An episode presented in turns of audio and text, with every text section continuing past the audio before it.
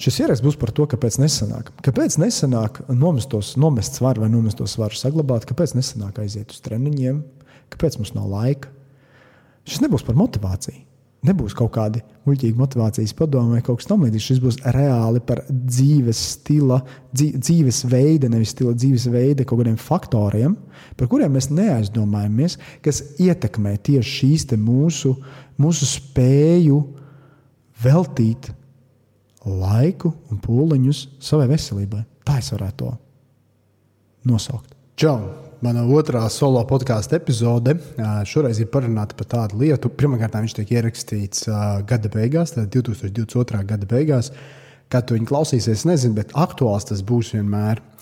Aktuāls tas ir īpaši šī gada beigās, tāpēc, ka tuvojās jauna gada sākums. Un, kā mēs zinām, jauna gada sākums vienmēr ir viss tas brīdis, kad visvairāk cilvēki ķerās pie kaut kā jauna. Un, un, un arī tas brīdis, un arī janvārs ir tas brīdis, kad visvairāk cilvēki viļās tajā, ka atkal nesenāca. Diemžēl tā ir statistika. Un tāpēc šodien gribu parunāt arī par tām, nevis arī par tām, bet tikai par tām lietām, kāpēc tas ir, kāpēc nesenāk. Un kāpēc nesenāk tas ir gan no zinātniskā viedokļa, gan no pieredzes viedokļa, jo no pieredzes ir redzēta jau viss vis iespējamais. Un tā kā es ar saviem klientiem ļoti daudz runājos, arī es to stāstu dzirdu ļoti daudz, kāpēc nesenāk pārsvarā jau tas stāsts ir līdzīgs, vienāds un, un, un, un, un līdzīgs, vienāds, mainās apstākļi, un tādi atsevišķie stāsti ir bišķiet mazāk jāsaka. Un ļoti bieži tur ir savijies kopā vairākas lietas. Tāpēc arī šeit nebūs par vienu kaut kādu atrisinājumu visam, jo tāda nav. Uzreiz pasaku, nav viens maģisks atrisinājums. Par to es arī tieši arī gribēju sākt runāt, ja, ka nav tas arī tas viens īstais maģiskais atrisinājums, ko visi meklē. Ar vienu atkāpīti, mana balss šodien varbūt bija citādāka. Es bijis bijis saaugstējies. Mm, pat nesaaugstējies, man nekā nav. Man tikai no rīta balss ciet. Un teņ, man kaut kādā dienas laikā atnāk vaļā tā balss. Tāda jēdzīgāka vai mazāk jēdzīga. Tāpēc viņi bišķi ķerās, varbūt ir bišķi dobjāka.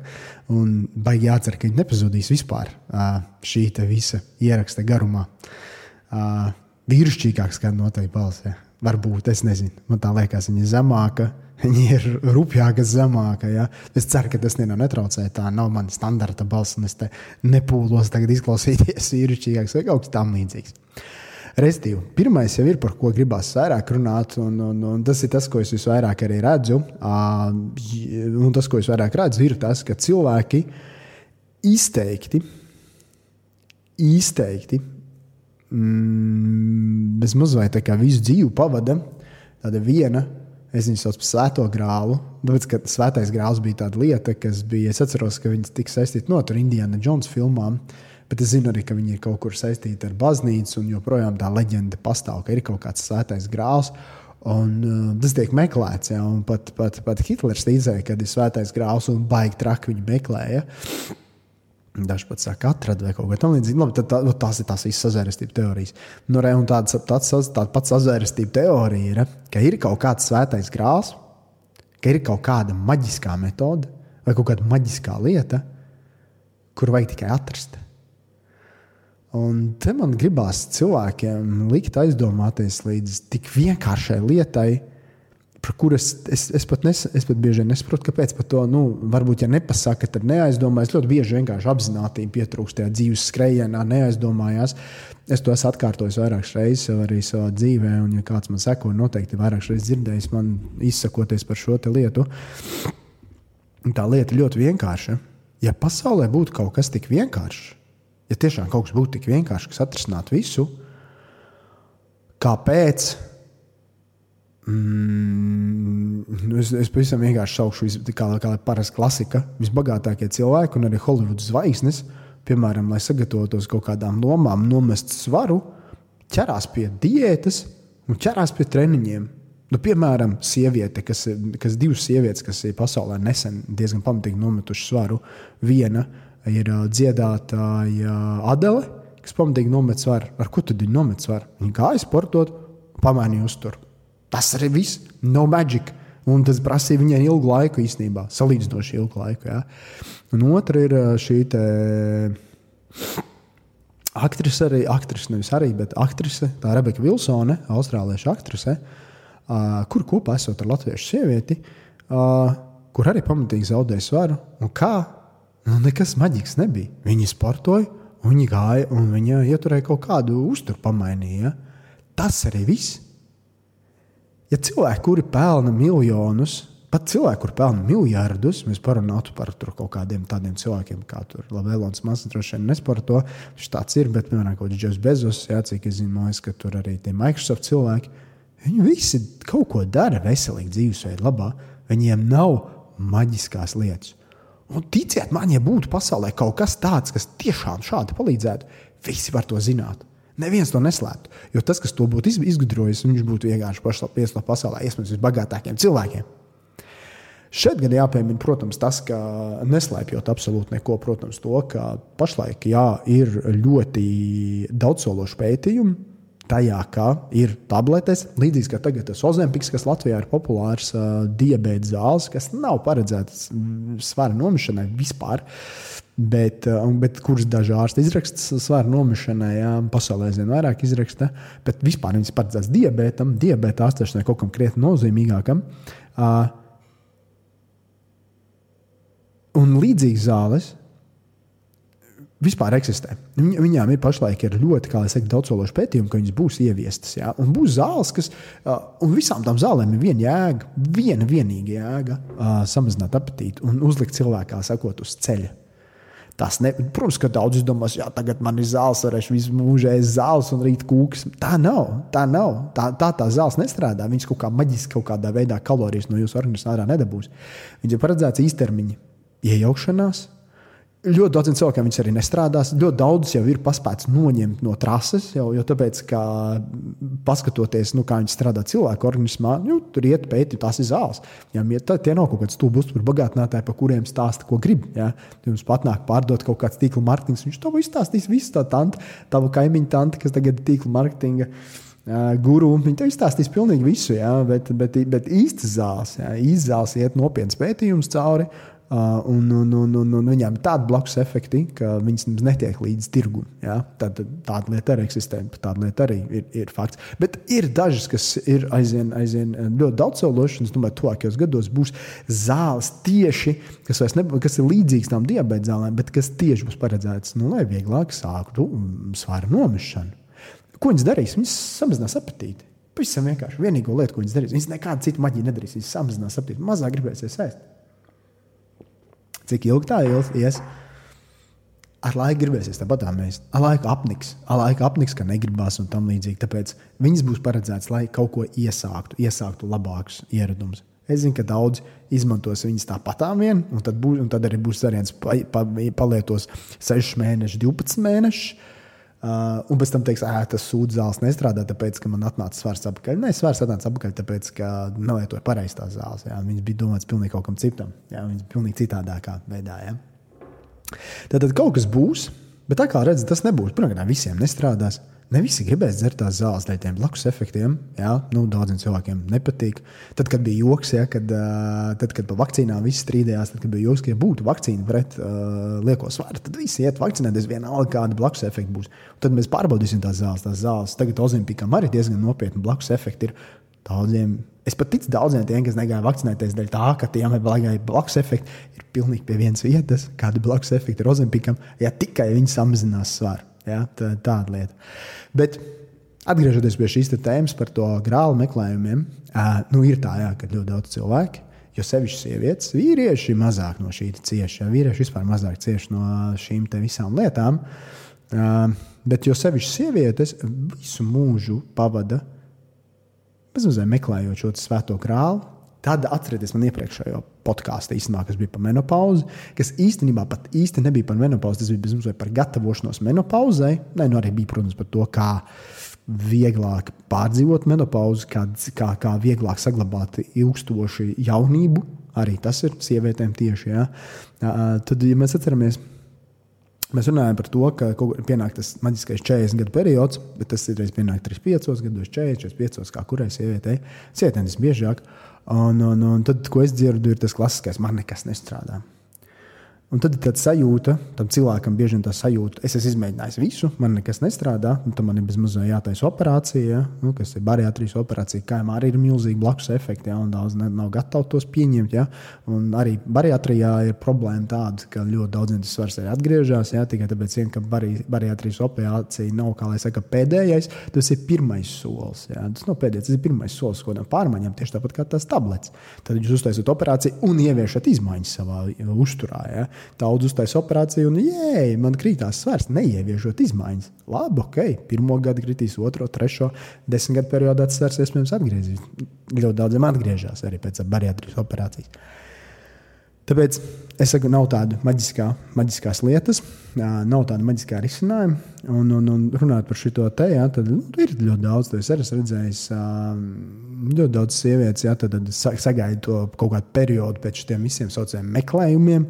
Es te pēdiņas lieku, izteikti klausās. Jā, ir, ir tāpēc, ka daudzi klausās, daudz skatās video. Bet es domāju, ka tā kā viņš pietiekami garš, tad lielākā daļa klausās. Tad es lieku pēdiņas, te gaisa pēdiņas ar pirkstiem. Jā. Tādēļ daudziem, kad atnāk šis te man nekas nestrādā, Pagaidām daudz cilvēku nonāk arī ezotērikā, īpaši sievietes. Saka, ticēt ezotērikai. Uh, pat uz brīdi varbūt kaut kas tur palīdz. Es nezinu tieši, ko tur, tur ir vairāk varianti, kam tur ticēt. Un tam līdzīgi arī tas jau, tas jau iziet ārpus diētām. Jau sāk ticēt kaut kādam brīnumam. Tas nozīmē, ka diētas beidzās. Kādu brīdi strādāja, vairs nekas nestrādā. Tagad ticēšu tikai brīnumam. Un kādu brīdi tas arī strādā. Tā ir ezotērika. Un tad viņi arī pārstāja strādāt. Viņi strādā tāpēc, ka viņiem ir placebo efekts, kaut kāds ticības efekts, un tam līdz tam viņi arī pārstāja strādāt. Bet tad tur sieviete ieskaidro, ka ir ok arī tā, kā ir. Tad liekas, ka ezotērija tā, kas palīdzēja beidzot tikt uz tā ceļa, bet īstenībā jau to veselību viņi īstenībā nesakārtoja. Viņi sakārtoja tikai to, ka pieņēma to, kā ir.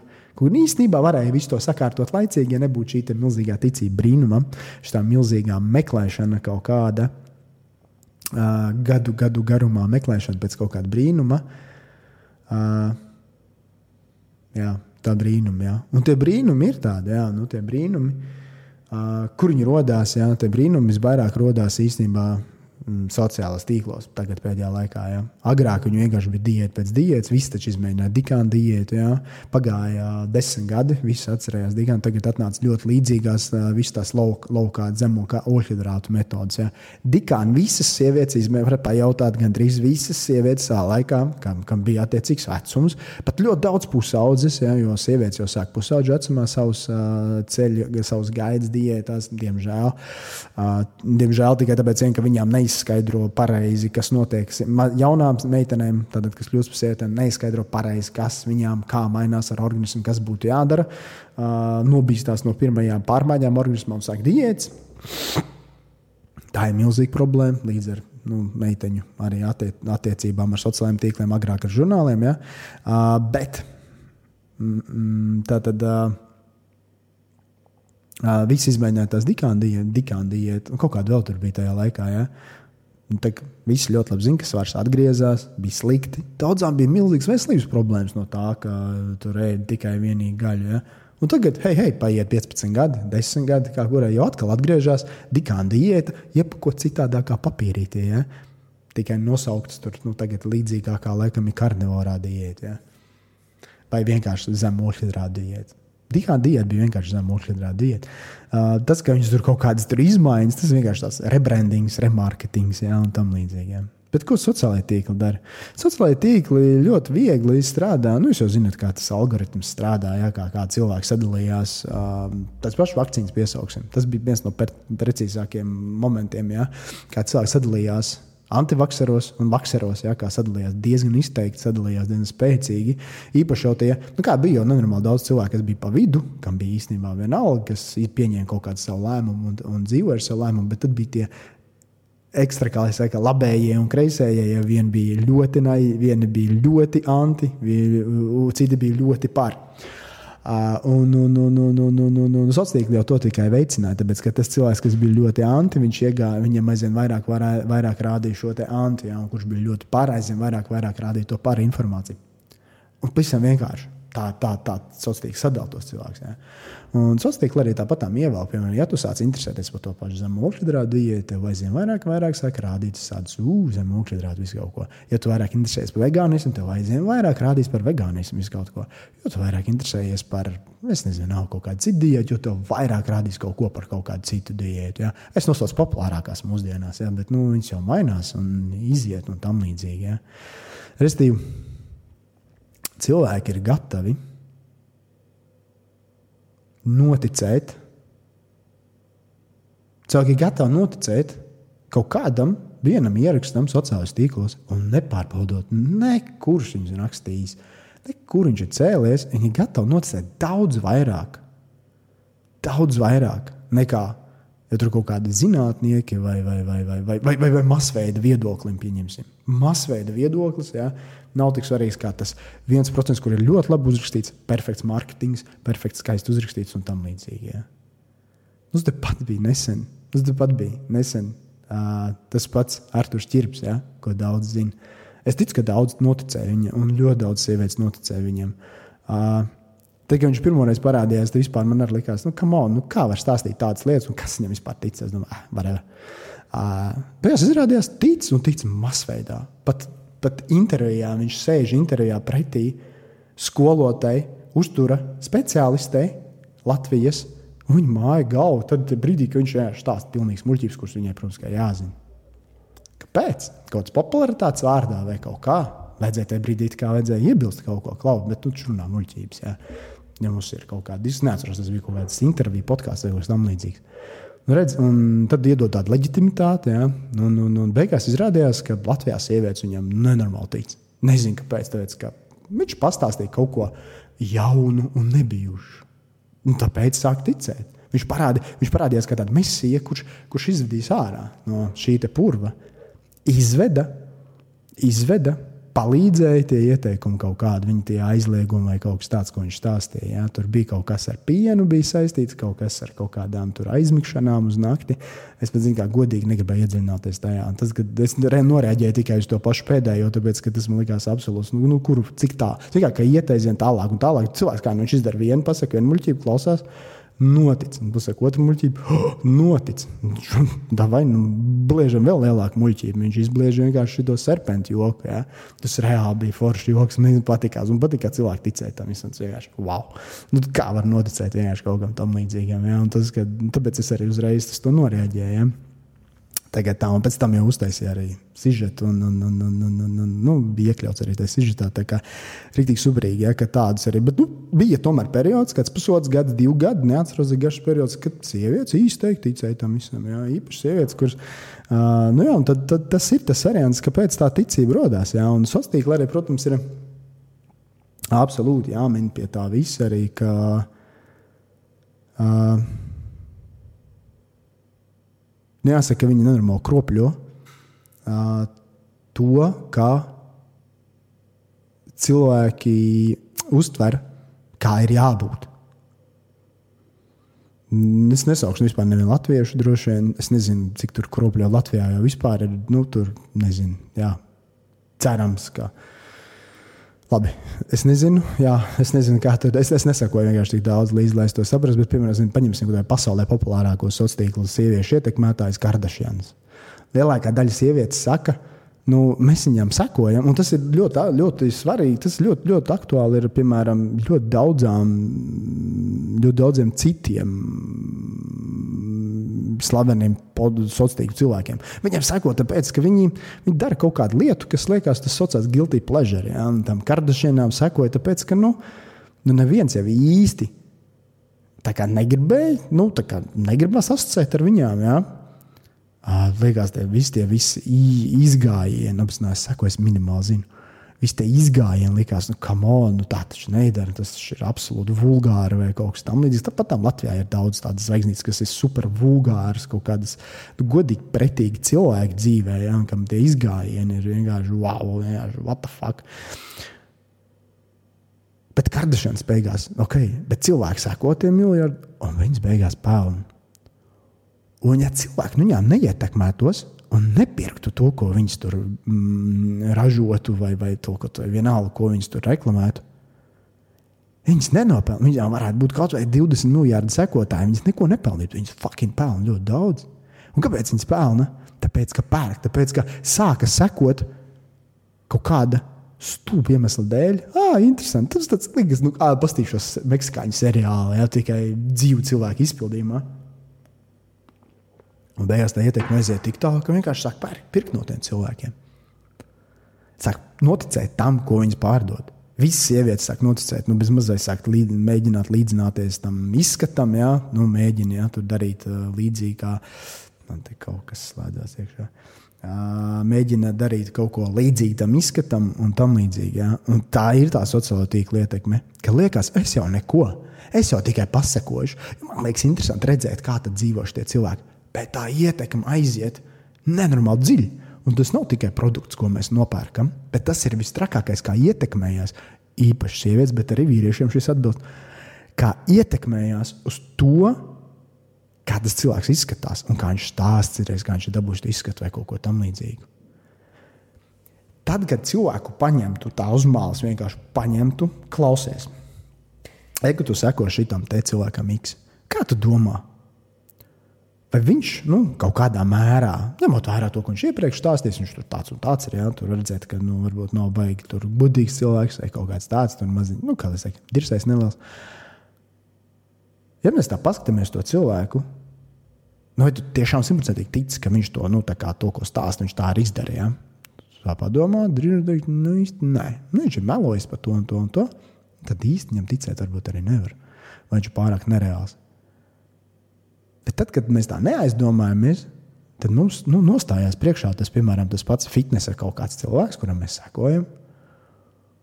Vai tā jaunā māmiņa, kur ir četras dienas pēc dzemdībām, ir atgūsta plakanu vēdru. Mēs sekojam šādam cilvēkam, un mums sāk, mums sāk veidoties tāda pilnīgi, kā lai saka, sagrozīta realitāte, ka tas ir normāli. Tas, ko viņi velta visu savu dzīvi, velta nenormāli daudz laika tam visam, Photoshop. Video šopu. Video arī var mainīt visu. Man ir, man ir, man ir video, man ir pro, es varu kādreiz varu parādīt, man ir programma, kas nomainīs visu. Viņš to pagarina, pagarina kājas, samazina uh, vidukli. Uh, Baltina zobus, video to dara. Nevis bildēs, bildēs to vispār elementāri izdarīt uz telefona. Jā, šī programma ir datorā. Viņa ir bez maksas, viņa saucās CapCut. Uh, Es izmantoju vienkārši apstrādātu video. Tāda vienkārši. Nu, es atvainojos. Tad vienkārši normāla programmiņa. Un, un, un, un, un, nu, re, un tur viss var izdarīt šīs lietas. Tur viss var izdarīt. Redz, un tad mums veidojas tāda sagrozītā realitāte, ko var izdarīt ar šīm lietām. Tas sākās ar kardešienām, bet tagad jau tas ir praktiski liela daļa fitnesa slavenību, viņas pārdod sagrozīt realitāti. Nu, nav iespējams to panākt. Piemēram, pārdot kaut kādu, pārdot kaut kādu mājas treniņu programmu. Un saka, ar šo mājas treniņu programmu es dabūju šo dibenu. Patiesībā viņi ir uztaisījusi savu brazīliešu batu.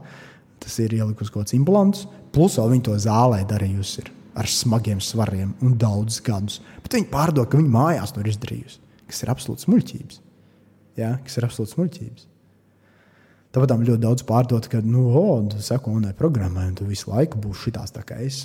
Patiesībā tās bildes ļoti bieži ir uztaisītas vienā fotosesijā. Viņi divreiz, trīsreiz gadā, varbūt arī vienreiz gadā izskatās tā. Tad, kad viņi izskatās tā, nu, tad nožāvējās, kā jau saka, no TV. Tas attaisno nenormāli daudz bildes, un pēc tam visu gadu viņas lieto tās bildes, jau pa īstam nemaz neparādās.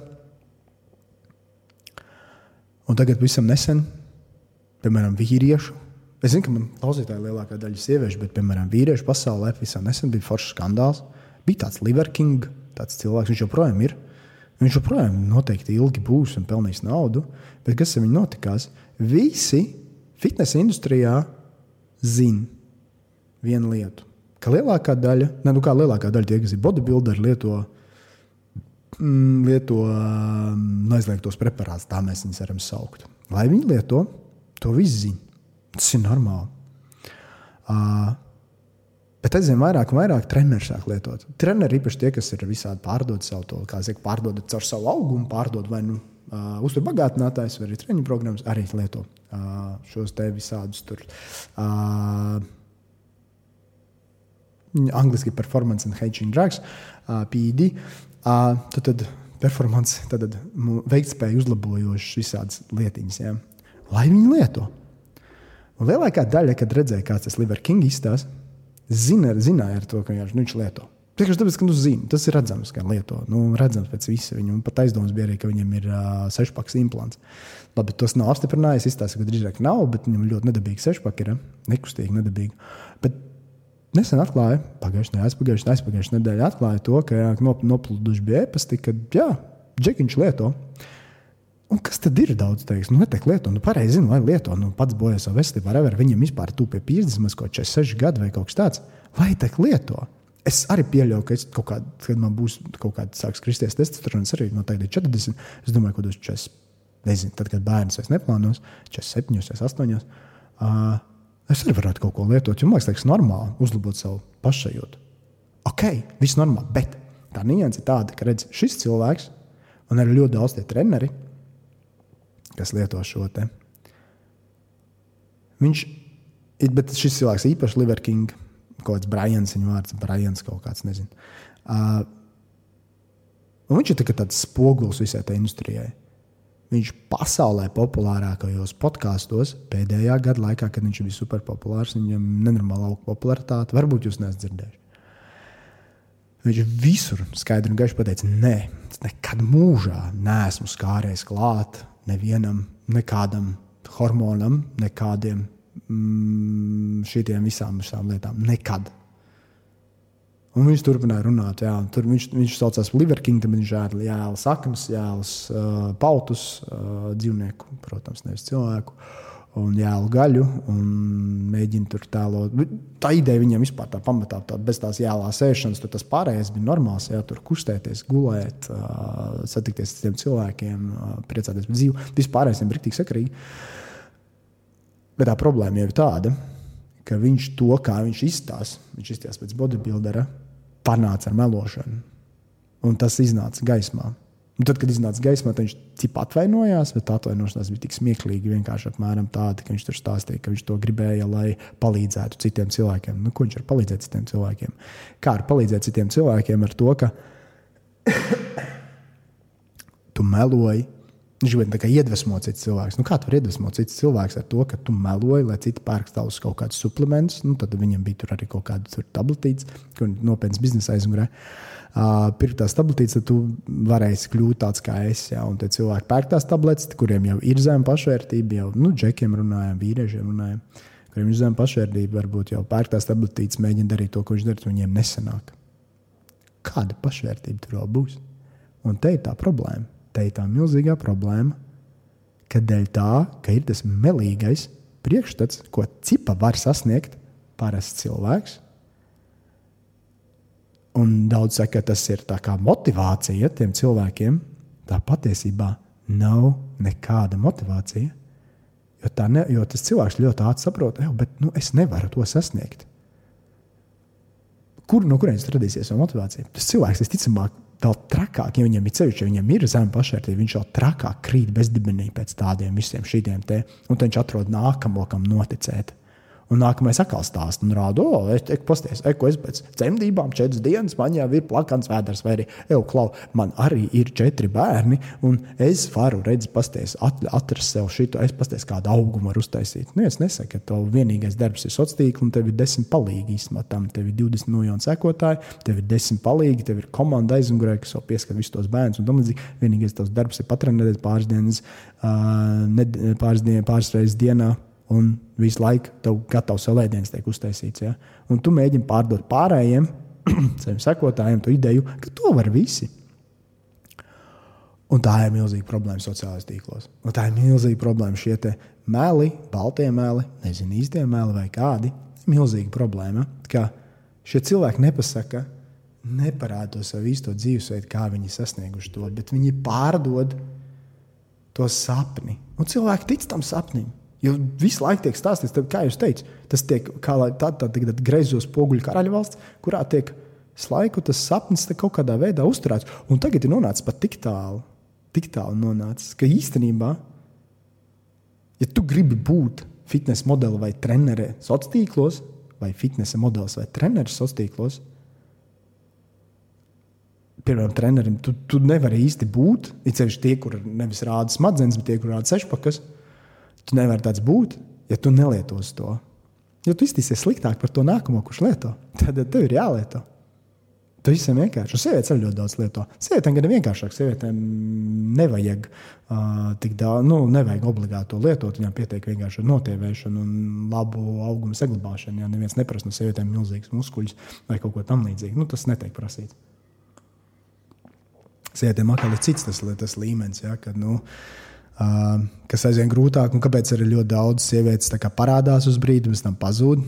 Viņām Ja viņš uz brīdi spēja paši to izdarīt, un pēc tam pašām sāk slīdēt, kā saka, slīdēt tas augums ārā no rokām. Augums izskats sāk slīdēt ārā no rokām, tad viņi sāk izmantot visādas citas metodas, ok, bet par to es negribu tik daudz runāt. Uh, nu, kad, kad, kad, kad, kad, kad izmanto visas citas, visas iespējamās metodas, tas nav tikai Photoshop, tas ir arī operācijas un tam līdzīgi, lai tikai mēģinātu saglabāt šo savu slīdošo, no rokām izslīdošo augumu. Jo, Mēs jau runāsim, jā, ka tās diētas jau nu, viņas, nu, ilgtermiņā Es teiktu, labi, zem 1% cilvēku vispār mentāli spēj viņus saglabāt. Pat tad, ja tas ir tavs darbs, un pat tad, ja tas ir tavs vienīgais ienākuma avots, pat tad, ja tu zini, ka ja tu, nu, tas apziņa ir, ja tu nu, pieņemsies bišķīt svarā, tad tev zaudēs kaut kāds sekotājs bez mazvai. Tāds, tā, tāds ir tas spiediens. Viņi paši uztaisījuši to, to spiedienu uz sevi, tāpēc ka tāds ir tas standarts industrijā.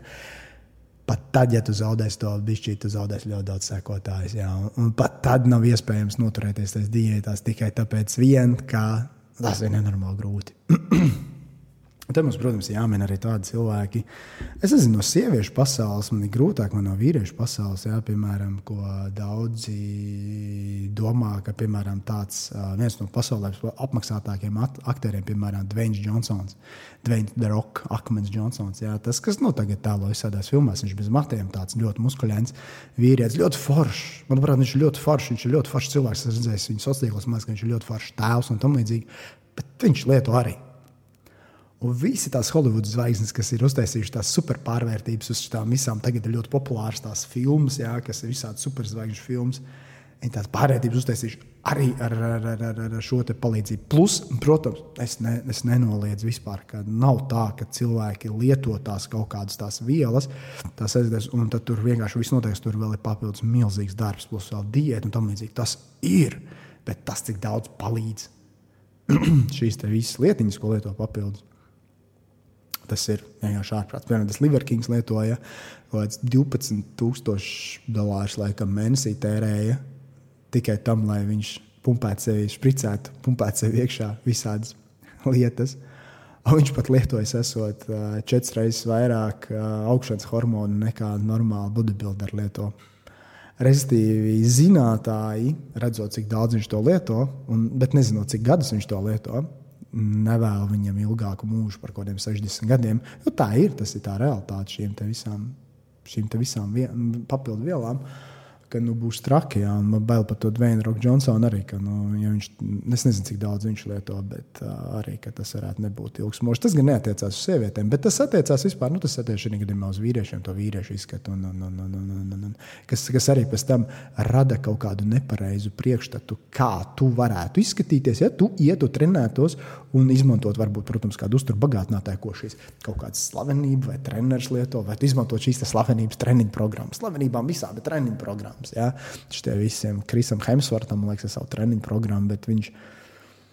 Bet Hemsvorts, es nezinu, cik viņam bija liels pārmaiņas. Mošs viņš bija jau pirms tam, man liekas, viņš jau pirms tam bija diezgan muskuļains, ja? un, un, un viņam nebija tāds tik strauji tās pārmaiņas. Labi, tas nav tik svarīgi šajā brīdī, bet idejiski, ka visa tā industrija griežas uz milzīgiem meliem, visi tie sastāvdaļi griežas uz milzīgiem meliem. Un veido šo greizo realitāti, kas parastam cilvēkam, kas esat tu, es, es arī, man arī ir divi bērni, man ir ļoti aizņemta ikdiena, man ir grūti atrast laiku tam un tam un tam. Uh, un es zinu, ka man arī ir bijis greiza tā izpratne, ko es varu panākt savos 40 gados, un ejot trenēties, nu, labi, trīs reizes nedēļā es varu atrast laiku. Uh, un pat tie treniņi nesnāk vai kvalitatīvi, vismaz ne tādi, kādas es gribētu, jo man tur tā zāle, kas ir pieejama, nav tik laba. Uh, un nav cits variants, īpaši izņemot to, ka braukt kaut kur tālu, un to es negribu. Uh, tad, nu, tad kompromiss ir jā, kompromiss variants. Jā, un, un, un, un, un pat man ir bijis kā es saku, tāda sagrozīta, bijis realitāte galvā. Es to ļoti labi zinu. Es ar to cīnos. Un par to es gribēju pastāstīt, lai jūs paši padomātu, cik ļoti liela, cik sagrozīta realitāte ir jūsu galvā. Pavisam vienkārši. Paņemat un padomājiet. Labākais, ko darīt, ir neredzēt šo realitāti savā priekšā.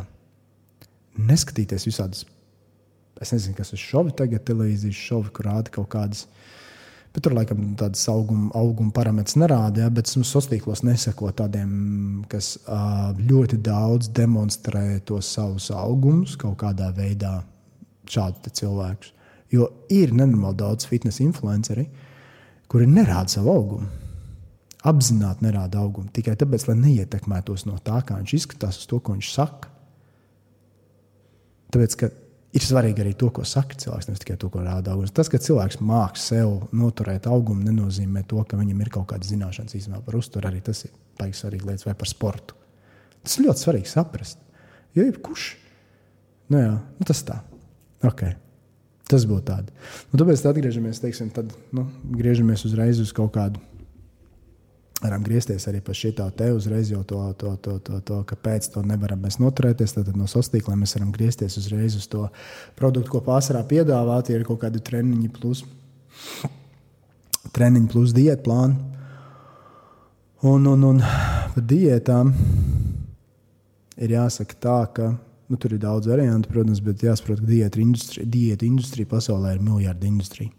Ļoti daudz pelnas to, ka cilvēks lai grib nomest svaru Bet jāsaka, ir, ka tā ir milzīga problēma. Kad cilvēki, nu, šī video ir tas, tas, tā, tā, tas, tas, tas stāsts jau ir to, ka tā ir milzīga problēma. Ja? Tad, tā ir milzīga problēma, ka cilvēki nevar nomest to svaru.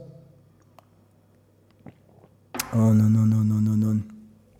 Un, ja mēs ticam sazvērestības teorijām, man līdz galam sazvērestības teorijas nepatīk. Tiešām nepatīk. Uh, ja mēs ticam sazvērestības teorijām, es negribu viņas tādas, bet tad, tad, tad tā izklausītos kā ļoti laba sazvērestības teorija, ka visa fitnesa industrija mēģina pārdot tas gan, savs, gan ar, gan ar uzturbagātinātiem, gan ar treniņiem, gan ar um, uh, uzturplāniem, visādiem tam līdzīgām lietām, gan ar veselīgiem mēdieniem un tam līdzīgi. Mēģina pārdot ideju, kas to cilvēku padara par mūžīgo klientu. Man nekad nepadara viņu līdz galam apmierinātu. Jo, ja viņš būs apmierināts, viņš nebūs klients. Pavisam vienkārši. Viņš būs apmierināts ar to, viņš atradīs savu ceļu, viņš vairs nebūs klients. Viņš nestaigās apkārt, nemeklēs. Jo ir izdevīgi īstenībā, lai viņš staigā apkārt. Viņš meklē uzturbagātinātājs, vienu no trešo pamēģina, viņš pamēģina vienu no trešo uzturplānu vai kaut ko tamlīdzīgu. Ir izdevīgi vai ne? Nu kā? Gan jau pie manis arī atnāks apmēram ar tādu domu. Un tad ir jāparunā arī par tiem uzturplāniem. Ir ļoti daudz pētījumu par uzturplānu. Uzturplāna vai es viņu saucu par recepšu plānu, tas ir vienkārši tas, ir tas visvienkāršākā lieta, ko internetā nopirkt. Aiziet uz, man daudz prasa, Mārtiņ, ja tu taisi uzturplānu, es saku, nu aiziet uz Stokholmu, help, nopērciet, tur 10 eiro mēnesī maksā. Kāpēc jūs man prasat kaut ko tamlīdzīgu? Jo, saprotiet, uzturplāniem viena lieta. Tur nav nekādas maģijas viņos iekšā. Tur vienkārši ir plāns, Jebkurš, tu, es, viss var izdarīt. Tur ir plānā pēc tam viens nosacījums - dabūt zemes kalorijas. Un tālāk jau ir tā cilvēka izdoma, cik viņš spēja saražot receptes, cik viņš spēja motivēt tos cilvēkus vai kaut kādā veidā iepārdot to ideju caur to, kā viņš izskatās visbiežāk. Tā jau ir. Labi, Stokholmas diēta tā nedara. Viņi, viņi nepārdod. Nu, tur, tur nav cilvēks aizmugurē. Ja? Tā Paula arī, kas bija, tā bija tikai reklāmiņa. Nu, viss bija nu, tas man nākotnes Stokholmā, viens pats vienkārši tā bija reklāma. Bet uh, nu, viņai nebija nekāda tur īsta saistība ar to visu. Nu, izņemot to kā reklāmu tikai. Uh, bet tā ideja, tad, kas tad ir ar tiem uzturplāniem, kur tad ir tā lielākā problēma? Tad, tad, ko rāda pētījumi? Brīnišķīgs veids, kā nomest svaru. Brīnišķīgs, lielisks veids, kā nomest svaru. Ja cilvēks pie tā pieturās. Un kā viņš var pieturēties? Viņi parasti pieturās. Arī pētījumos pieturās. Visas problēmas pētījumos ir vai nu viņš tiek, viņam tiek maksāts, vai viņš piedalās pētījumā. Tas viņam ir tāds, kā lai saka, tas, tas, tas, tas veids, kā viņš to dara. Ikdienā, teiksim, kaut kādos šādos, te, kad viņš nopērk uzturplānu, viņam ir kaut kāda laika motivācija, vai viņš piedalās kaut kādā grupā, vai viņam ir kaut kāds treneris, kas bļauj virsū, vai viņš ir tajā cietumā. Tā kā Latvijā ir tas diētas cietums, tas kaut kur pie aizpūtas ir tas Krievijas. Es nezinu, viņš vēl ir. Tur nošāva kaut kādas cilvēkus, ja tur ir kaut kas krimināls. Bija. Plus vēl es nezināju, ka viņš bija krieviem piederēja, un tad es ceru, ka viņi aiziet ciet. Un, jo es zinu, ka man vismaz daži klienti tur ir bijuši, un tas ir reāli diēta cietums. Ir. Tā ideja ir, ja tevi kaut kādā veidā piespiež pieturēties pie tam līdzīga, tur ir vienmēr maz kalorijas, tur nav nekādas citas loģikas, tur ir tikai vienīgi maz kalorijas, un tavs svars kritīsies. To rāda pētījumi, tas ir loģika. Jo atcerēsimies vienu lietu, vienu fundamentālu lietu. Vispār tā ir, varbūt vajadzēja sākt, vai, nu, tas bija obligāti jāpiemina šī visā stāstā, ka svars krītās tikai viena iemesla dēļ. Tas ir, lai jūs nemeklētu kaut kādas brīnums apkārt arī kaloriju deficītam. Nekam citam nav jā. Nekas cits nestrādā, tikai kaloriju deficīts. Vienalga, kā diēta, lai ko viņi tur stāstītu, tur fastings, tur kaut ko, kaut ko dara. Ja ir kaloriju deficīts, kritīsies svars. Ja būs fastings un nebūs kaloriju deficīts, nekritīsies svars. Ja būs keto diēta un būs kaloriju deficīts, kritīsies svars. Ja būs keto diēta un nebūs kaloriju deficīts, nekritīsies svars. That's it. Tas arī viss ir. Tā arī tas notiek. Tas ir pilnīgi. Un tas vienkārši ir jāzina, lai, lai paskatītos uz to visu industriju, bija citā, bija vienkāršākā, caur bišķi vienkāršāku lupu. Lupu tā var teikt. Jā. Tas ir bijis vienkāršāk paskatīties, kā tas viss strādā. Tāds arī strādā. Tur runa, protams, tur ar lielākiem, mazākiem tam līdzīgi. Bet tad, tad, ko saka pētījumi, ko saka pieredze? Tik pasaulē pilns šiem plāniem ir. Viņi bez maksas visur mētājās. Tagad ir tas jaunais čatrobots, tas tur ir chat GPT, IT. Tas tur tam var pajautāt, klausies, uztais man tieviešanas plānus tik un tik kalorijām, vai uztais priekš manas svara un mana auguma, un līdzīgi uztais tieviešanas plānu ar tik un tik kalorijām. Un tad, tur, tad viņš uztais, un tad man nepatīk, varbūt tas un tas, pamainām to, pamainām to. Ah, ok, viņš uztais to plānu, tad man vajag vēl recepti šim visam, viņš vēl recepti iedos līdzi bez fucking maksas. Jā, to nav jāmaksā. Tas ir vislētākais, ko nopirkt pasaulē, jā, šādus plānus. Jā. Protams, ka cilvēki tur pēc tam maksā. Es nezinu, par ko viņi maksā. Jā, par to, ka tur recepts ir vai par to, ka tur ir vagars klāts. Ok, nav svarīgi. Bet, ko tas saka tie pētījumi, ko saka pieredze? Visi cilvēki pēc šitā visa atgūst svaru. Visi cilvēki, un strauji, un daudz, un bieži vien ar plusu. Un kāpēc tā notiek?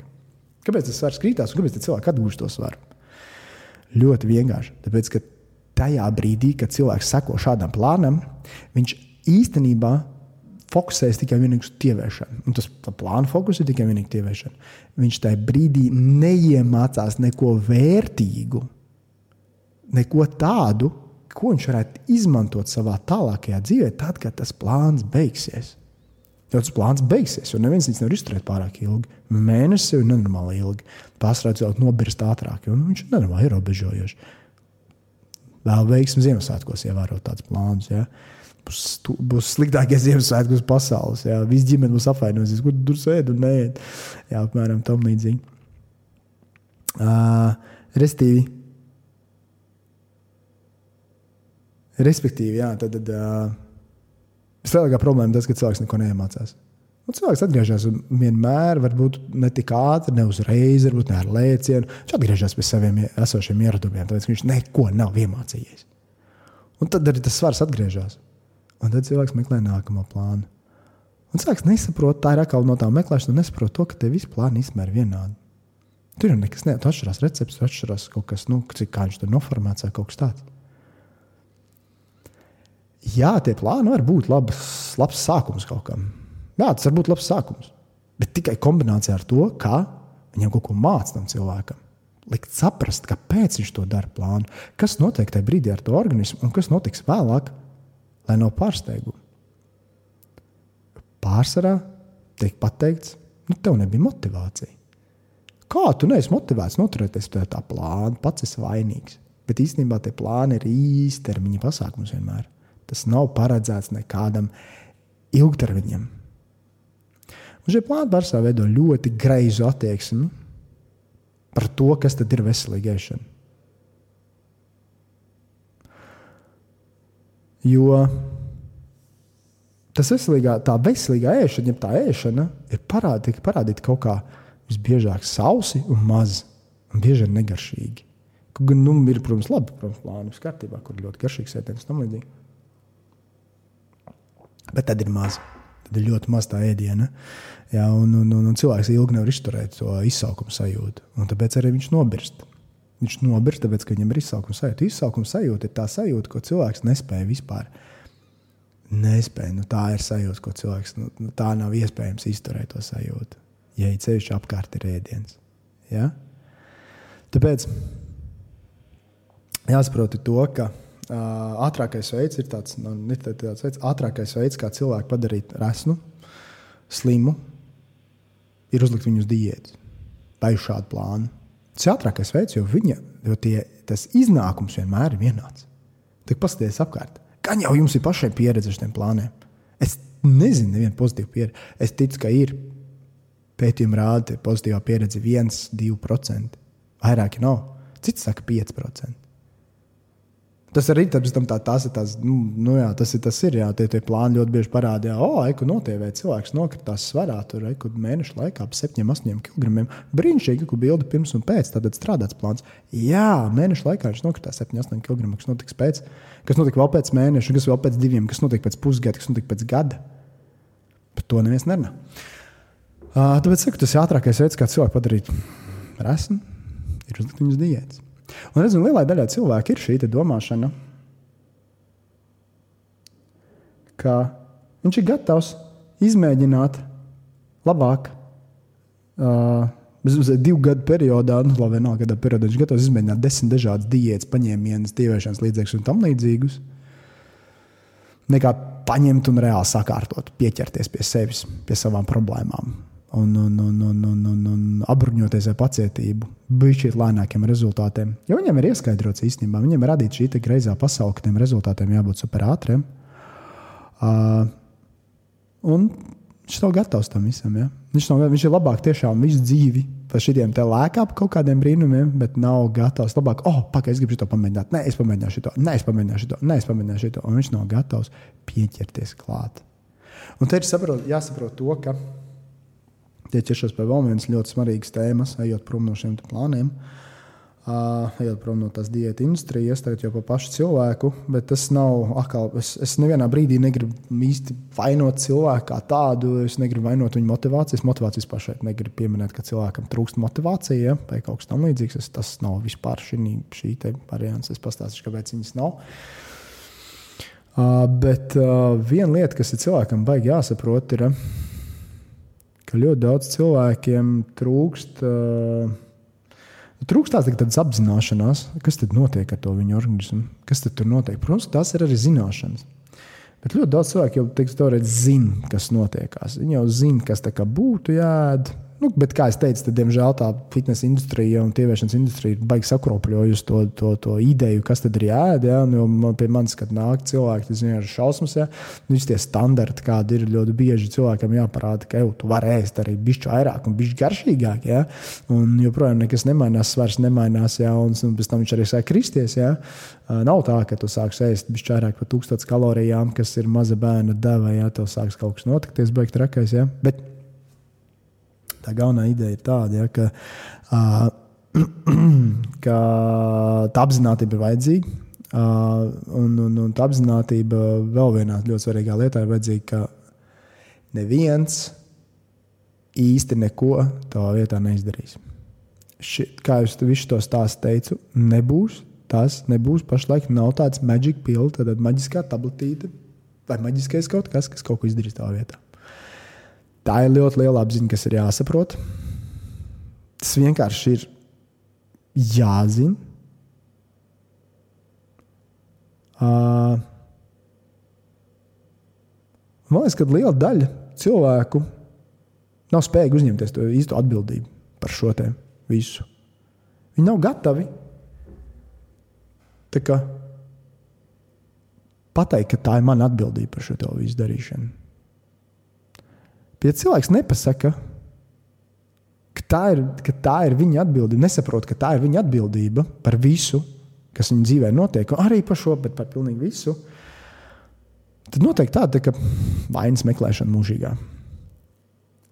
Bet ir jāsaprot, ka man tā bija vislielākā, vislielākā, vislabākā pieredze manā mūžā bija ar brīdi, kad es sapratu, neviens uz pasaules neviens ne pie kā cits nav vainojams, pie nekā, kas ar mani notiek, tikai es. Un attiecīgi arī Tā ir tikai vienīgi mana atbildība, kas ar mani notiek, un neviena cita atbildība tā nav. Tie ir tikai vienīgi mani lēmumi, tie nav neviena cita lēmumi. Un meklēt vainu kaut kur apkārt, riņķī, ir tikai laika tērēšana. Ir tāda darbības imitācija. Tā ir reāla darbības imitācija. Jo īstenībā beigās, diemžēl, vainīgs pie visa un atbildība jāuzņemās ir tikai un vienīgi pašam. Tas viss ir tāds. Ja? Un tāpēc jā, tā ir. Un tāpēc, uh, Es saprotu, tagad parunāsim par kaut kādām at, atrunām un tam līdzīgām lietām. Ja? Un tad, kad, tad, kad ir šādi, kad šī tāda runā, cilvēki pasakā, jā, un tam līdzīgi, bla, bla, bla, bla, bla. Cilvēki ļoti bieži jāsaka, nu, tad, tad sākās tā, tā, tā vainas meklēšana, tā attaisnošanās un tam līdzīgi. Ja? Nu, piemēram, tāpat man nav laika vai kaut kas tam līdzīgs. Ja? Vai es nevaru perfekti izdarīt. Ja? Un tā perfekcijas izdarīšana, tad, tad parunās par to perfekcijas izdarīšanu. To perfekciju arī, nu, tas arī ir kaut kāds diētu industrijas standarts, ka visam ir jābūt perfektam. Tā ir lielākā muļķība, kāda ir uz pasaules. Un tā ir radusies no tām visām, liekas, no tām visām diētām, no tiem visiem uzturplāniem, ka viss ir jābūt kaut kādā perfekcijā. Bezmazliet, vai nu es esmu uz ceļa, vai es esmu grāvī, man nav vidusceļa. Ja? Man nāk svētki, tas nozīmē, ka es jau zinu, ka būs sūdi, ka būs mēsls, atvainojos par vārdiem, ja? ka būs Un viss es jau, jau nedēļu iepriekš padodos, un pēc tam, nezinu, divus mēnešus pēc tam nevaru tikt atpakaļ uz ceļa. Patiesībā bija vienkārši svētki. Divas dienas paiet, trīs dienas, četras dienas paiet sliktāk, uzņēma divus, trīs kg klāt. So what? Viņa aizies, ja tu turpināsi normālu dzīvi uz priekšu, un viss kārtībā būs. Ja? Tāpēc perfekcija. Perfekcija ir viena no lielākajām, viens no lielākajiem traucēkļiem, ar kuru es redzu, kas galvā sēž. Īpaši sievietēm. Sievietes vairāk cieši, kā jau teicu, no šīm visām problēmām. Kāpēc sievietes vairāk cieši? Vīriešiem ir viena alga, vismaz ārā ir viena alga vairāk, jā, vai arī vīrieši viņi saņemās. Viņi tā kā saņemās, var, var, es esmu vecs, es varu apmēram kaut kas tam līdzīgs. Vīrieši arī mirst tāpēc jaunāk, tāpēc ka viņi nedrīkst rādīt savus jūtas un nedrīkst parādīt, ka viņi ir vāji. Ja? Tad modernais vīrietis jau māca parādīt, ka viņš ir vājāks, māca aiziet pie terapeita, māca aiziet kaut ko tam līdzīgu. Ja? Tad viņš jau bišķīt, varbūt cerības viņam izdzīvot ilgāk, bet tāds, tāds parastais vīrietis visu tā kā savāc sevi iekšā un beigās aiziet ar, ar sirdskaiti tikai tāpēc, ka viņš visu mūžu nav, nav, nav varējis izlikt to, kas viņam īstenībā tur ir iekšā, ka viņš ir arī varbūt nedaudz vājš un nedaudz noguris un tam līdzīgs. Ja? Bet sievietes vairāk cieši no šīs lietas vispār. Uh, un, un, un, un, un, un, un, un, un viena no tādām lielākajām problēmām ir arī šī perfekcija. Ja? Un tad tā perfekcija arī ir jautājums, no kurienes viņa radusies. Vai viņa nav radusies atkal no sociāliem tīkliem, no šīm visām diētām, no šiem uztura piemēriem, ja? no tā, kā tiek parādīts veselīgs uzturs. Jo jāsaprot, to, ka veselīgs uzturs vispār ir tikai teorija. Ir tikai teorija, tas, kā tiek parādīts, jā, kas ir veselīgs uzturs. Un, diemžēl, manuprāt, arī ļoti daudz speciālisti spēlējos vienu lietu, vieglāk runāt kaut kā. Uh, ļoti daudz speciālisti, kas runā par veselīgu uzturu, viņi runā par viņu kā par teoriju. Es nesaku uzturu speciālistu, es negribu kārtībā reizi kaut ko teikt. Tas ir vienkārši speciālists, kas vispār runā. Viņi runā tagad tādu teoriju, tagad kaut kādu ideālu, perfekto pasauli Ka visi cilvēki, ja tu vien varētu to darīt, tad viss būs labi. Bet tā jau tas nenotiek. Ja? Nu, tā tas, tas pasaulē nenotiek. Jo, uh, jo, jo, jo, jo, jo, jo, jo, jo, jo, jo, jo, jo, jo. Viņš pazūd domas arī. Es esmu pats sportošana. Tāds pasaulē nenotiek, jo pasaule ir pilnīgi citādāka. Pastāstā jauniem. Tad tā jaunā māmiņa pastāsta uz šo variantu, viņa pastāsta uz to teoriju, kas ir veselīgā sēšanas teorija. Pastāstās aizņemt jaunā māmiņa, kurai nav vispār nekādas palīdzības. Paskatās sieviete 40 gados, kurai ir divi darbi un trīs bērni, kuriem visiem jārūpējās. Un šķirteni iespējams, un vīrs tur neko īsti neatbalsta, jā, kaut kur pazudis. Vai paskatās, es nezinu, jebkurš, jebkurš cilvēks paskatās uz to visu, nu, nu fuck, tas nav priekš manis. Un tas perfekcionisms jāņem nost tajā visā pasaulē. Jo nav tādas lietas kā perfekcijas. Nav tādas lietas kā perfekcijas. Neeksistē. Un, un veselīgā uzturā tāpēc iedarās izsvētki, saldumi un tam līdzīgas lietas. Un jāsaprot, vēl viena ar šo lietu, ar to perfekciju, ir vēl viena milzīga lieta. Ir pilnīgi normāli, ka dzīves laikā svars staigā. Nu, nav tā, ka es, man ir klientes, un es droši vien, kad viņas jau tādu sapratīs, kurām, par kurām es runāju, vai kaut kā tam līdzīga. Ja. Ir klientes, kuras visu mūžu pārdzīvo par to, ka visu, iedomās, visu mūžu cīnās par kaut kādiem pāris kilogramiem. Un viņi staigā uz augšu, uz leju. Un viens viņam nav pateicis, bet hei, tas ir normāli. Sezonas mainās, tā aizņemtība mainās, uh, pāris bērnu piedzima pa ceļam. Uh, paliec vecāk arī, bet joprojām viņš tikai lēkā tas pašās robežās. Un, un, un, un cilvēks nenormāls pūlis pievērš tam, ka viņam īstenībā nekas īstenībā nemainās. Tas ir pilnīgi normāli, ka ir kaut kāds, piemēram, piemēram svētku periods. Tu reāli neesi svinējis, ja tu nepieņemies svarā vismaz par vienu kilogramu. Es tā gribētu uzskatīt, jā, jo tas nav liekais svars. Tas vienkārši ir kaut kas, kaut kas kas, ir, kas ir apēsts. Jā, jo svētki ir jāsina ar ēdienu. Tas ir pilnīgs muļķības tiem, kas apgalvo, ka svētki nav jāsina ar ēdienu un tam līdzīgas lietas. Ja. Uh, jā, tad tā perfekcija ir vienkārši jāatmet. Un padomā par sevi galvā, kā tu domā, kā, kāds tad ir veselīgs uzturs. Es to saku, tā ir tikai teorija. Tā ir teorija, kuru nenormāli daudz pasniedz kā kaut ko, kam būtu jābūt dzīvē.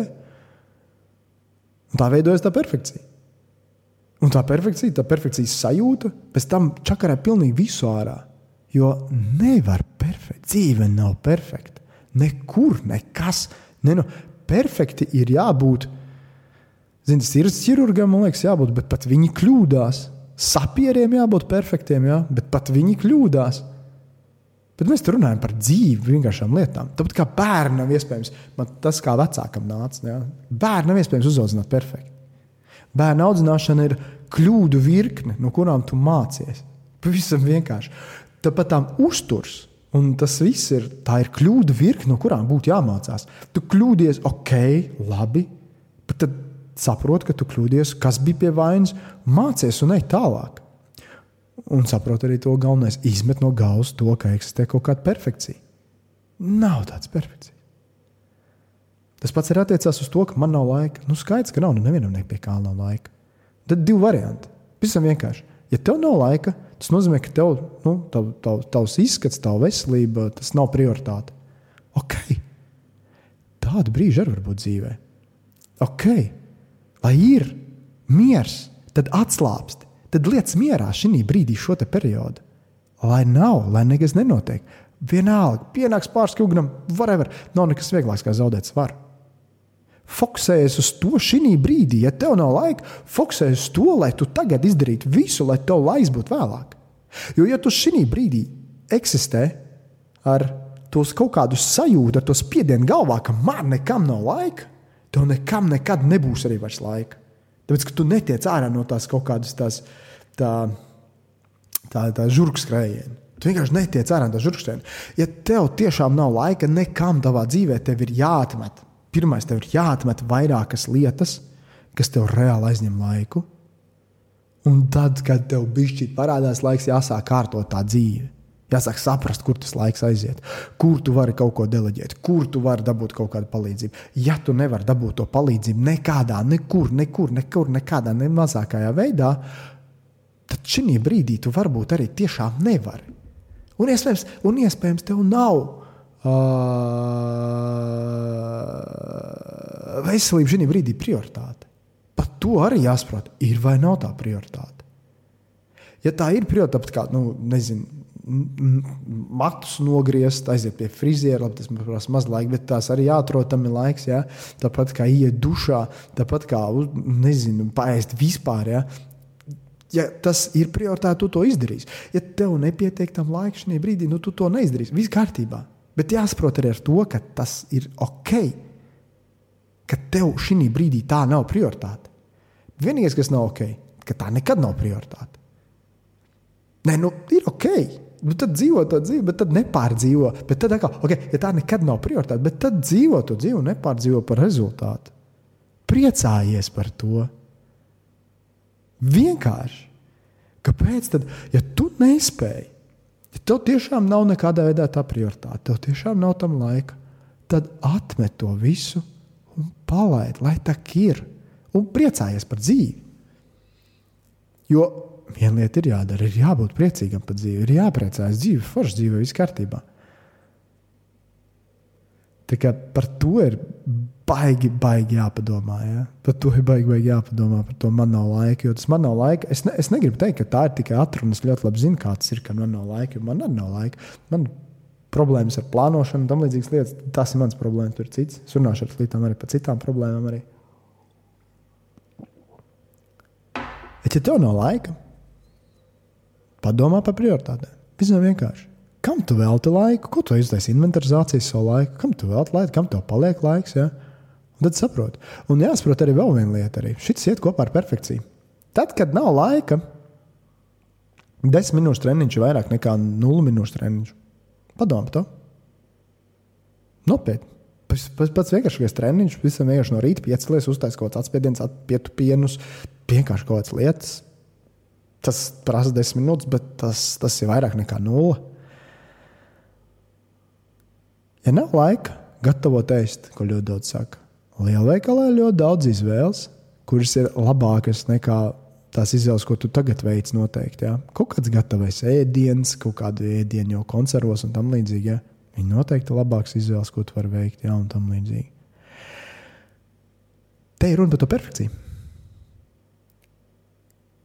Ja tu saki, man nav laika sagatavot, tur nezinu, visu laiku superperfektu ēdienu, tu vienkārši čērsām un greizi domā par to, kas tad ir veselīgs ēdiens. Kā jūs teicat, tā ir vienkārši veselīga ēšana. Tā ir tikai kaut kāda stulba teorija, kas tiek potēta visiem galvā, un dēļ tā arī cilvēki netiek galā. Viņiem tiek iepotēts, ka bezmaksā jātrenējās piecas reizes nedēļā, un jāēd ir visu laiku mājās gatavots ēdiens. Muļķības nav. Nav. Pietiek tik daudz izdarīt, cik tu vari šī brīdī izdarīt. Un tas jau būs labāk nekā nekas. Un tāpēc, kad tas, tas tuvēs pieņēmums, ka es tad nedarīšu neko, tas būs sliktāk. Tas būs sliktāk. Ilgtermiņā tas būs sliktāk. Labāk ir darīt kaut ko.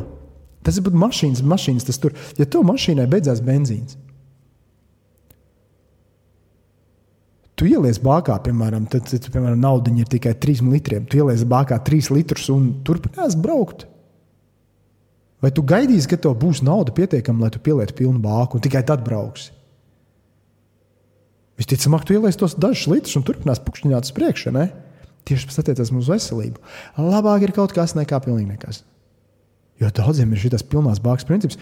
Es darīšu to, es sākšu trenēt tikai tad, kad man būs tam patiešām atvēlēts laiks. Es varēšu tam atvēlēt trīs reizes nedēļā, un tur, tur stundu un tam līdzīgi. Un varēšu, vai veselīga ēšana. Tikai tad ir veselīgi, vērtīgi ēst. Tikai tad, ja tu vari pats pagatavot savu visādi bullshit, muļķības, pēdējās muļķības. Nav tā. Nav tā. Es gan savu treniņu programmu taisīšu. Uzreiz tagad mēs mazinām reklāmu, gan savu treniņu programmu taisīšu arī tādu, ka tu vari kaut kādā vienreiz nedēļā trenēties.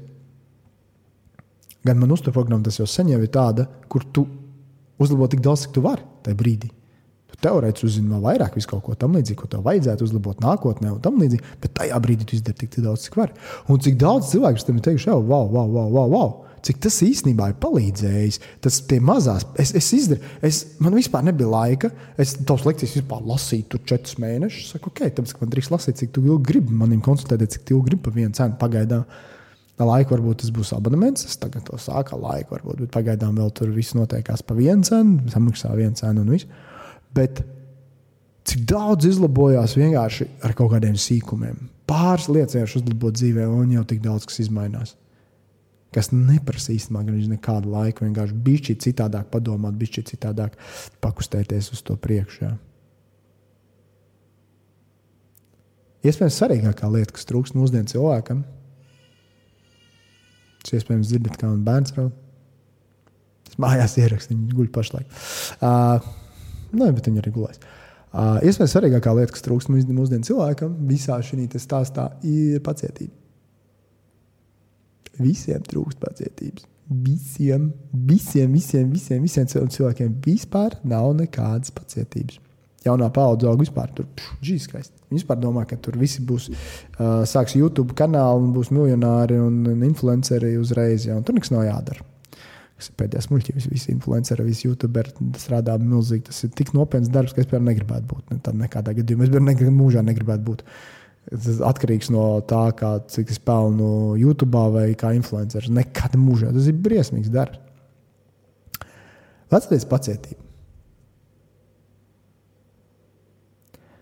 Paņemiet jebkuru pasaulē bagātāko cilvēku. Vienalga, kur. Viņiem ir paveicies kaut kādā brīdī, bet viņi vienmēr, visi, izņemot tie, kur ir piedzimuši bagātās ģimenēs, tagad, vai, vai, vai, vai kaut kas tāds, bet tie, kas ir tagad, piemēram, tehnoloģijās, viņiem ir bijušs grūts sākums, pat ļoti grūts sākums. Bankroti, vairāki, aplaušanās.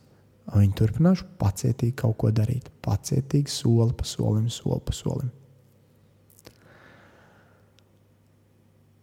Paskatieties, cilvēks, kuriem ir, nezinu, kur uzauguši milzīgas, tur kaut kāds varbūt nu, tiešām labs augums un tam līdzīgs.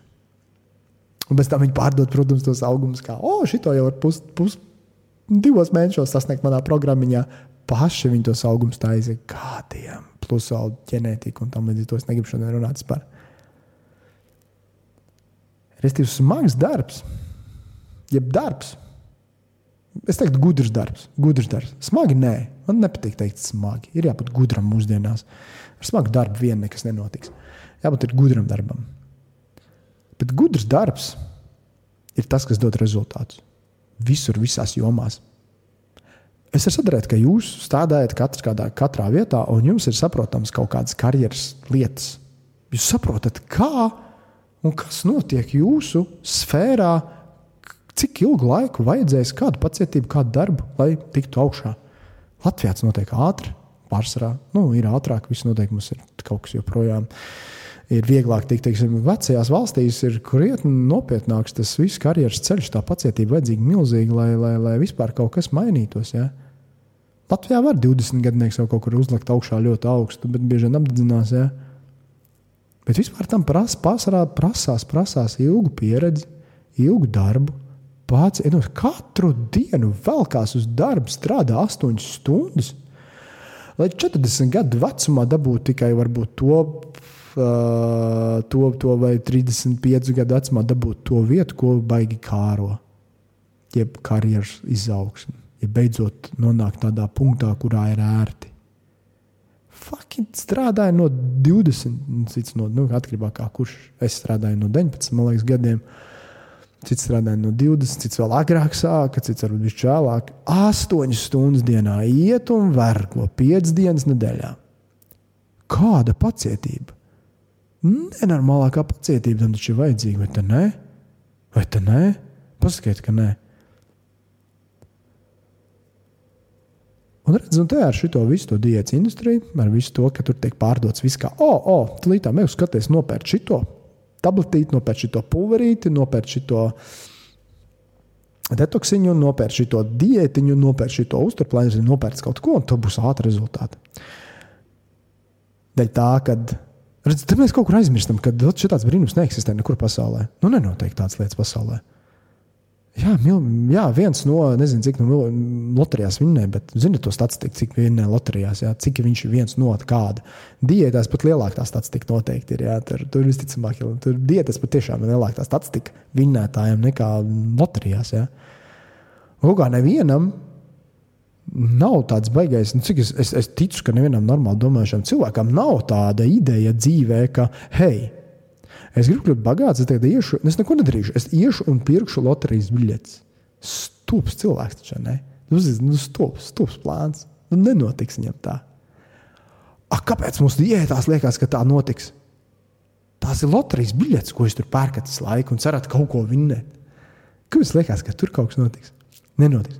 Tāpēc pacietība ir viena no lielākajām, vērtīgākajām cilvēku īpašībām, vērtīgākajām cilvēkībām pacietība ir. Un mūsdienās pacietība tiek atalgot visvairāk, jo viņas trūkst. Un tu vari redzēt, kur cilvēki ir pacietīgi, kuriem piemīt šī pacietība, kuri trenē to pacietību, kuri saprot pacietību un kuri nē. Un šis ir iespējams viena no lielākajām lietām. Jo tie cilvēki, kuriem piemīt, jebkuri trenē, kuri saprot pacietību, viņi tiks tālāk. Viņi tiks tālāk. Tie ir arī tie cilvēki, kurus biežāk varbūt nav sagrābušies noteikti miljoniem, tur SMS kredīts vai kaut kā tamlīdzīga. Nu, mūsdienu pasaule ir tāda, ka mums nemāca pacietību īstenībā. Mums viss varam nopirkt līzingā, viss varam paņemt. Agrāk cilvēkam viss bija jākrāj.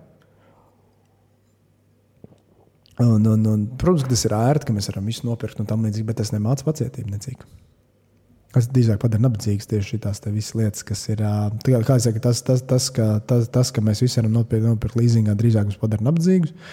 Un, un, un tas, ka mēs, mums ir tās diētas, visiem solījumiem, mums padara drīzāk rasnes un slims. Kā jūs teicat, diēta ir ātrākais veids, kā cilvēkam kļūt rasnam. Visam vienkārši. Tā ir tas statistika elementāra statistika, diēta, visas tie badošanās, visas lietas. Tas ir ātrākais veids, kā tikt rastam. Sākās parasti viss ar vienu, divu liekiem kilogramiem, ar mazu stresiņu, un beidzās ar pēc 10, 15, 20 gadiem ar ļoti smagu situāciju. Tālāk. Tāds noteikti. Tāpēc pacietība uh, nu, nu, ir grūta, jo smags darbs atmaksāsies nākotnē. Slinkums atmaksājas tagad, ir uzreiz. Nu, ir taču daudz ērtāk. Tā, kāpēc jūgties uz to sportu? Jā, pēc dažiem mēnešiem būs lielisks rezultāts, vai pēc gada. Bet, ja es iemetu, iemetos tagad divānā, īpaši ārā ir augsts vai kaut kas tāds, es tagad iemaucos divānā ar pultu un čips pakaļ rokā. On, tas taču ir tik ērti un forši un mīļi. Pacietība. Ja? Pacietība. Tā ir tā pacietība. Un To ļoti labi saprot arī īstenībā. Man liekas, ka arī šī cilvēku uzvedības ekonomika, jeb mm, to, ka cilvēks ir nenormāli iracionāls, kad jāsāk domāt par ilgtermiņu. Viņš ir iracionāls, viņš nespēja saprast ilgtermiņu vispār tās lietas. Viņam automātiski nenotiek nekas, viņam patīk rezultāts uzreiz. Tāpēc arī fitnesa industrija ir uzvedības ekonomikas bāzēta. Un tāpēc fitnesa industrija arī pārdod to ideju, ka viss ir pieejams uzreiz. Jo to pērk. Neviens nepirks nekad nevienu programmu, neko, kur pateiks, sāc tagad, padomā pats. Padomā pats, tīri tāpēc, ka sāc tagad, dari šito divus gadus, pēc diviem gadiem tu iztīsies vienkārši vispār. Wow! so what? Mēs esam iracionāli. Mēs nespējam izdomāt, ah, es pēc diviem gadiem izturēšu tā, ja? mm? vai labi. Mēs nespējam to novērtēt. Mēs, nesp to, mēs nespējam to pārdot, mēs nespējam sev to pārdot. Mūsu citi nespēja to pārdot. Mēs, bet, ja man pateiks, hei, klau, man ir tāds viena lietiņa, eku veikšu šitas te detoksiņš, mīnus 4 kg divās dienās, eku ir šitas te tabletīti, mīnus uh, kaut kādi 2 kg, tikai tabletīti. Kaut kādas kaut kādas tur žu, žu, žu, kaut kādi tie, kas tur ir tīrīšana, bla, bla, bla, tārpu tīrīšana, kas tik mums te nav visādi brīnumi tagad ir. Ja? Vis, vis, un visam pamatā vienmēr ir apakšā ir šī tievēšana kaut kādiem. Ja? Svars vienmēr ir tas, ka svars ir vajadzīgs. Jo bez svara neko nevar pārdot. Ja ne, nebūs svars samazinājums, to nevar pārdot. Veselība, ne, ne veselība nav vajadzīga, ne, visiem vajag svaru samazinājumu. Respektīvi, tad mums nevar, mums nevar pārdot. Mēs esam. Uh, Mēs esam jā, tā tad, uh, iracionāli, tad, kad mēs runājam par šo ilgtermiņu. Jo, ja mēs padomājam, tad visam loģiski, jā, protams, ja es sākšu trenēties, trenēšos, iešu nu, kaut kādā pāris reizes nedēļā, kārtīgi trenēšos un kaut ko daļai domāšu par uzturu. Tā kā skaidrs, ka divos gados būs milzīgi rezultāti. Nu, sunim skaidrs tas viss ir. Bet mēs nevaram sev to pierunāt. Tāpēc pacietība ir viena no fundamentālām lietām, ko sev mācīt atcerēties, mācīt bērniem. Mācīt bērniem, ka viss nav dabūts reizes. Tas ir grūti. Mūsdienu pasaulē, kur viss var nopirkt, tas ir tik grūti, bet tas iemācīja tik daudz. Tas iemācīja tik daudz, jo tas iemācīja pēc tam arī karjerā daudz ko sasniegt, krietni vairāk. Jo ļoti daudzi gatavi, kā jau teicu, paņemt, viņu saucās angļu valodā low hanging fruit. Tas nozīmē augli, kas karājās ļoti zem, kas ir viegli paņemams. Ir daudz, daudz. Bet saldāti augļi tur augšā, kur jākāpj augšā, vai jāpagaida, vai jātiek augšā, kur jāpieliek piepūst. Pacietība ir visnenovērtētākā mūsdienu cilvēka īpašība. Un šī trūkst ļoti daudz cilvēkiem. Ļoti trūkst pacietības. Ļoti trūkst pacietības. Līdz ar šo pacietību man gribās teikt, ka vēl viena lieta piebilst. Tas ir tāds kā sīkums, bet viņam ir milzīga nozīme. Uh, kā mēs uztveram sevi. Mindsets, domāšana, kā mēs uztveram sevi, kā mēs uztveram sevi, par kādu cilvēku mēs domājam sevi, kas mēs esam. Vai tu sevi visu laiku žēlo, domā, ka tu esi vājš un resns, piemēram, tiem, kam ir svara problēmas? Kā piemērs. Vai arī tu, piemēram, iedomājies, vai, tu, kaut vai tev nekas nenotiek un tam līdzīgi, vai, vai tu joprojām domā par sevi, kā, piemēram, vai tu domā par sevi kā veselu un, un, un, un, un atletisku cilvēku? Daudz labāk ir mēģināt iedibināt sevī to mindset, to domāšanu, kuru vajadzētu sākt līdz ar kaut kādām pirmajām lietām, pirmo lietu sāc darīt, kaut kādu uzreiz iedibini, yes, tagad es būšu veselāks, viss, es esmu veselais cilvēks, es esmu fit cilvēks, un tam līdz kaut kāds poguls to nerāda. Jo šeit nāks palīdzīgā baigi daudz uh, zemapziņa, jeb placebo. Placebo ir kaut kas anormāli spēcīgs. Ja es izdomātu, Tas, tā, tas ir ties, tā, tādi laimes lāču stāsti bez muzejiem. Restīvi, ja es jau laimes lāču arī atnācu un cilvēki paši iztīrīja to ciemu. Pareizi tā bija. Jā, laimes lāču jau neiztīrīja. Liekas, ja? Bet tā tablete, piemēram, es domāju, tableti, kuras sastāv būtu vienkārši cukurs, lai man garšīga. Un es teiktu, klau, eko tableti, kuras maksā 100 eiro mēnesī. Uh, tur tīrs cukurs. Jā, ēd vienu tableti dienā, bet papildus ir. Uh, nu, tā papildus, nu, tā kā, lai tabletes iedarbība nu, būtu laba, lai vispār iedarbotos, tev ir jātrenējās un jāiet normālāk. Cilvēkiem būtu fantastiski rezultāti. Tiem, kuri noticētu tai tabletē, vienkārši fantastiski rezultāti būtu. Viens tas, ka viņiem, viņiem nostrādātas placebo efekts. Viņi domā, ka tablete kaut ko dara. Bet īstenībā tas, darīja, darīja tas, ka viņi iet un darīja kaut ko citu. Viņi domā, ka tablete Un tad tabletē būtu apraksts, samazina izsalkumu, uzlabo vielmaiņu, uh, uzlabo noskaņojumu, palielina motivāciju. Tāds būtu pārdošanas sauklis tai tabletē. Cilvēks, kas lietot un noticēt, bet svarīgi noticēt tai tabletē, noticēt. Uz to strādā ļoti daudz tīkla mārketinga, ka tu notic tam. Ja tu noticētu tai tabletei, Tev tiešām tas strādā. Kamēr tu tam tici, ka tu lieti to tabletu, tu jūties, oh, es iedzēru, man tik labi paliek, un man tāda motivācija tagad ir. Man tiešām jūtas, kā vilna strādā labāk, man tiešām vēders griežas labāk. Un tas strādā. Bet palīdzēs man tas, ka tu mainītu savu uzturu. Uh, tu tiešām paceltos kaut kādu tādu uh, motivāciju, paceltos tikai tāpēc, ka iedzēri maģisko tabletīti. Un tāpēc ir izdevīgi domāt par to, ka tu jau ka tu esi bijis šis cilvēks, ka tu nedomā, tā, nedomā to, to vissliktāko par sevi. Jo, ja tu domā par to vissliktāko, tu grimsti tādā, tā, tādā purvā, kā īdēs, čīkstēs, viss slikti, viss nav labi. Es, es taču esmu vārks un mazliet samazināts. Tieši otrādi, jo tu vairāk, tur radās arī īstenībā diezgan daudz šī pārliecība par sevi. Nav tā, ka kaut kādi cilvēki ir, kas ir piedzimuši ar lielāku, nu, ir, protams, ka cilvēkiem ir lielāka pārliecība, bet tā pārliecība rodas arī no tā, kā tu sev nostādi.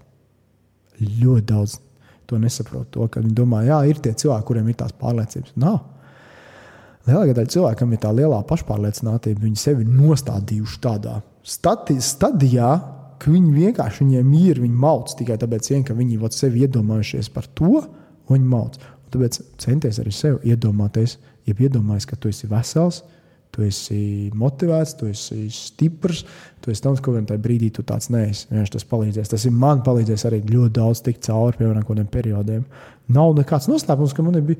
Nu, nevis, nu, nu, kurš tur slēpjas? Nu, ko tur man slēpt? Nu, kā, Man ir bijuši tad, kad īpaši, kad otrais bērns piedzima, jā, tur periodi, te Tenerifē ir bijuši periodi, kurš dzīvoja, ka man jāstrādā no mājām, šur tur, un, un, un es netieku. Un tur, tur, Viss iespējamais ir brucis un kritis, un, un, un, un ir bijuši mēneši, kad ēdas salīdzinoši sūdīgāk, un viņš pieņemās pats svarā. Jā. Nu, nav, nav bijis tā, ka traki pieņemās svarā. Bet visam tam negāju uz treniņiem ļoti ilgi. Es nu, mēnešiem pat, es pat pirms tam Latvijā pa kaut kādus gadus negāju, un vispār netrenējos. Pat tajā brīdī, kad es vēl strādāju treneris, pat netrenējos. Man nebija laika tam visam, man bija jātīst šis te viss uzturu lietas un viss šis te, tā, tā kā biznesa, jā, un tam līdzīgi. Man reāli nebija tam laika ok, es kaut kādas minimālas lietas darīju, bet man liekas, mindsets, ka es esmu joprojām sportisks, es esmu saucamais, fit, es esmu vesels, veselīgs un es domāju veselīgi. Un tajā brīdī, varbūt mans izvēles daudz nebija tādas. Tas palīdzēja pārdzīvot to periodu. Tagad man ir vieglāk, tagad man atkal bijis vieglāk kaut kādā periodā. Jo varbūt arī tā domāšana nostabilizējās. Jo īstenībā, ja padomāju par savu dzīvi, tagad nu, galīgi nav viegli. Nu, tā kā galīgi nav viegli visas tās aizņemtības. Četrgadniece ar savām psihozēm, un, un, un, un tagad pusotra gadniece, kas ir sākusi savas psihozes. Ja. Tur mājās vienkārši ļoti bieži tā, ka džīs, naktīs joprojām ik pa laikam kāds neguļ, un tu neesi izgulējies. Un caur visu to tev ir kaut kādā veidā, un tev jāatbalsta otram, un to visu tev ir jāiet cauri. Un nav nekādas palīdzības mums te šodien. Jā, diemžēl, iespējams, jā, nav nekādas vecmāmiņas, nav nekas tam līdzīgs. Diemžēl. Tagad tā. Un tas viss palīdz tikai vienīgi tas, kas notiek šī tentē. Tam visam palīdz. Jā, tā kā, tā kā, tā kā tā par to ļoti padomājiet. Jā. Nākamā lieta, ko es gribu runāt, obligāti, kas, kas ļoti daudziem cilvēkiem, un tā ir varbūt Es to saskāries ļoti daudz, un es ļoti daudz cilvēkiem esmu palīdzējis vismaz nonākt līdz citiem specialistiem, ir mentālā veselība. Pasaulē ir pētījumi, ka tās sievietes, tas tieši sievietēm, tās sievietes, kuras ir bērnībā saskārušās ar kaut kādu, piemēram, seksuālu raksturu vardarbību, bērnībā, jaunībā ar seksuālu Varbūt pat vienkārši, es neatceros bērnībā, jaunībā, vai arī visā dzīvē, kurš ir saskārušies ar seksuālo, seksuālo raksturu vardarbību, viņām būs milzīgas problēmas ar lieko svaru. Tur drīzāk tas domāts ir tāds, ka viņas cenšas padarīt sevi neapzināti neglītāks. Tas iespējams ir, bet es tur precīzi to nezināšu. Tas bija viens no minējumiem, kurš kaut kur lasīja par nu, nu, saistībā ar šo pētījumu. Es precīzi nepateikšu to, ja, bet tā ideja ir tā, ka, piemēram, tā būs milzīga problēma. Un tāpat tā mums ir pilnīgi skaidrs, ka nenormāli daudziem cilvēkiem ir problēmas. Īpaši tiem, kas arī kā es, man ir 40 gadi, tad es izaudzis esmu, izaudzis esmu padomu laikos, visu to padomu laiku domāšanu, padomu laiku attieksmi pret cilvēkiem, pret bērniem, skola. Es negribu nekādā gadījumā vainot vecākus, ne, kā, ne pie kā vai kaut kas tamlīdzīgs, bet tur arī droši vien nu, ar mūsdienu domāšanu kaut ko varbūt. Nu, nu es, ne, kā, es, negribu vainot, jo tad bija tāda laika. Ja. Un tas ir atstājis, ja tā padomā, nu, daudz kas atstājis man, man, man visādus nospiedumus. Ja, tas ir ļoti daudziem cilvēkiem atstājis šie nospiedumi. Restīvi, katra ir tāda foršā multinīte. Tā, kur tur rāda, ja meitenei tās kā meitenīte maz piedzimst, viņai smadzenēs tur dzīvo vairāki tie, vairāk tur ir dusmas, tur ir, tur ir dusmas, tur ir prieks, tur ir tur tas tam līdzīgs un kā viņi attīstās. Tas viss, tas viss, tas viss. Jā. Un tā ideja, ka tā multinisma nenormāli gudra ir. Lai gan bērni ir kādi nenormāli gudri. Ka katra lieta, kas, kas nu, dzīvē kaut kāds, kāds pārdarījums, vai kaut kāds katrs kaut kā ne, nevietā pateikts vārds, komentārs, vai kas viņš nosēžās kaut kur. Un ļoti bieži tā bagāža ir tik milzīga, ka cilvēks, kamēr neatrisina jautājumus šādus, viņam ļoti bieži nu, viņš, viņš netiks līdz nekāda veida ilgtermiņa, ilgtermiņa, īstermiņā viņš daudz ko izdarīs. Netiks nekādā veidā līdz kaut kādām ilgtermiņa veselības tādām labām lietām, nerunājot par svaru. Tāpēc, ka viņš meklē, protams, ka nu, viņš nespēja saņemties sportošanai. Sportošana ir viens no vissvarīgākajām lietām, ko vispār cilvēkiem vajadzētu darīt. Ir tāds foršs teiciens, ka, ja, ja treniņi kā tādi kustības būtu tablete, jeb zāles, tad tās, visvairāk, tās būtu visvairāk izrakstītās zāles pasaulē vispār. Jā, jo treniņi palīdz tiešām visam. Arī tā pašā mentālajā. Uh, un, ja, protams, arī ar uzturu tur netiek nekādā veidā galā. Tāpēc ir nenormāli svarīgi saprast savu mentālo veselību, un nenormāli svarīgi ir tikt ar to galā. Tā ir. Un Visstrakākais ir, manuprāt, es saku, es esmu ļoti daudz tos klientus aizsūtījis tālāk pie visādiem speciālistiem, lai meklētu, skatās speciālistus, pat devis speciālistus. Tikai tāpēc, ka es redzu, ka tas ir vajadzīgs. Jo citādi tur nekas nenotiks. Tāpat mēs esam nenormāli daudz klientiem, sievietēm tieši. Tas, protams, izteiktāk vīriešiem mazāk, bet arī dažiem vīriešiem. Es ļoti daudz runāju par attiecībām tam līdzīgām lietām, ka patiesībā viņu attiecības ir tik toksiskas, ka dēļ tām viņiem ir problēmas. Ja? Es pieļauju, ka es esmu panācis varbūt kaut kā. Es ceru, ka es panācu vairāk ģimeņu izrunāšanos un, un, un, un, un, un, un, un, un, un kaut kāda attiecība sakārtošana, bet es pieļauju, ka es esmu panācis arī dažu ģimenes šķiršanos. Esmu. Un es esmu drīzāk lepns par to, jo sievietei ir jāsaņemās un teiksim, jāaiziet prom. Vai arī vīrietim, ja jāsaņemās, jāaiziet prom, jo tās attiecības ir tik toksiskas, ka tas ietekmē visu veselību. Kāda jēga būt tādās attiecībās, pat ja ir bērni? Jūs, man, protams, varat nomētāt ar visu, ko jūs gribat nomētāt, un domāt, ko jūs vien gribat, bet cilvēkam nav jācieš. Bērni ar tāpatām cieš. Bērnu dēļ, ne bērnu dēļ nav jādara. Ja? Ir ceļš, ja cieši paša veselība, paša veselība, paša pašvērtība, paša vispār cilvēks kā tāds, kā būtne, būtne tiek norakta. Tāpēc mentālā veselība ir svarīga, tāpat kā attiecības svarīgas. Es gribēju tieši par attiecībām runāt, kā nākamajā.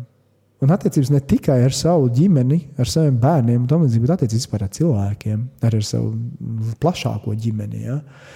Jo cilvēkiem ir labākas attiecības, vai vispār ir attiecības ar cilvēkiem, spēja, iespēja izrunāties ar draugiem, iespēja izrunāties, iespēja kaut ko darīt, kaut ko izpausties šajā plāksnē, jo cilvēks ir sociāli būtne, cilvēks ir bara būtne.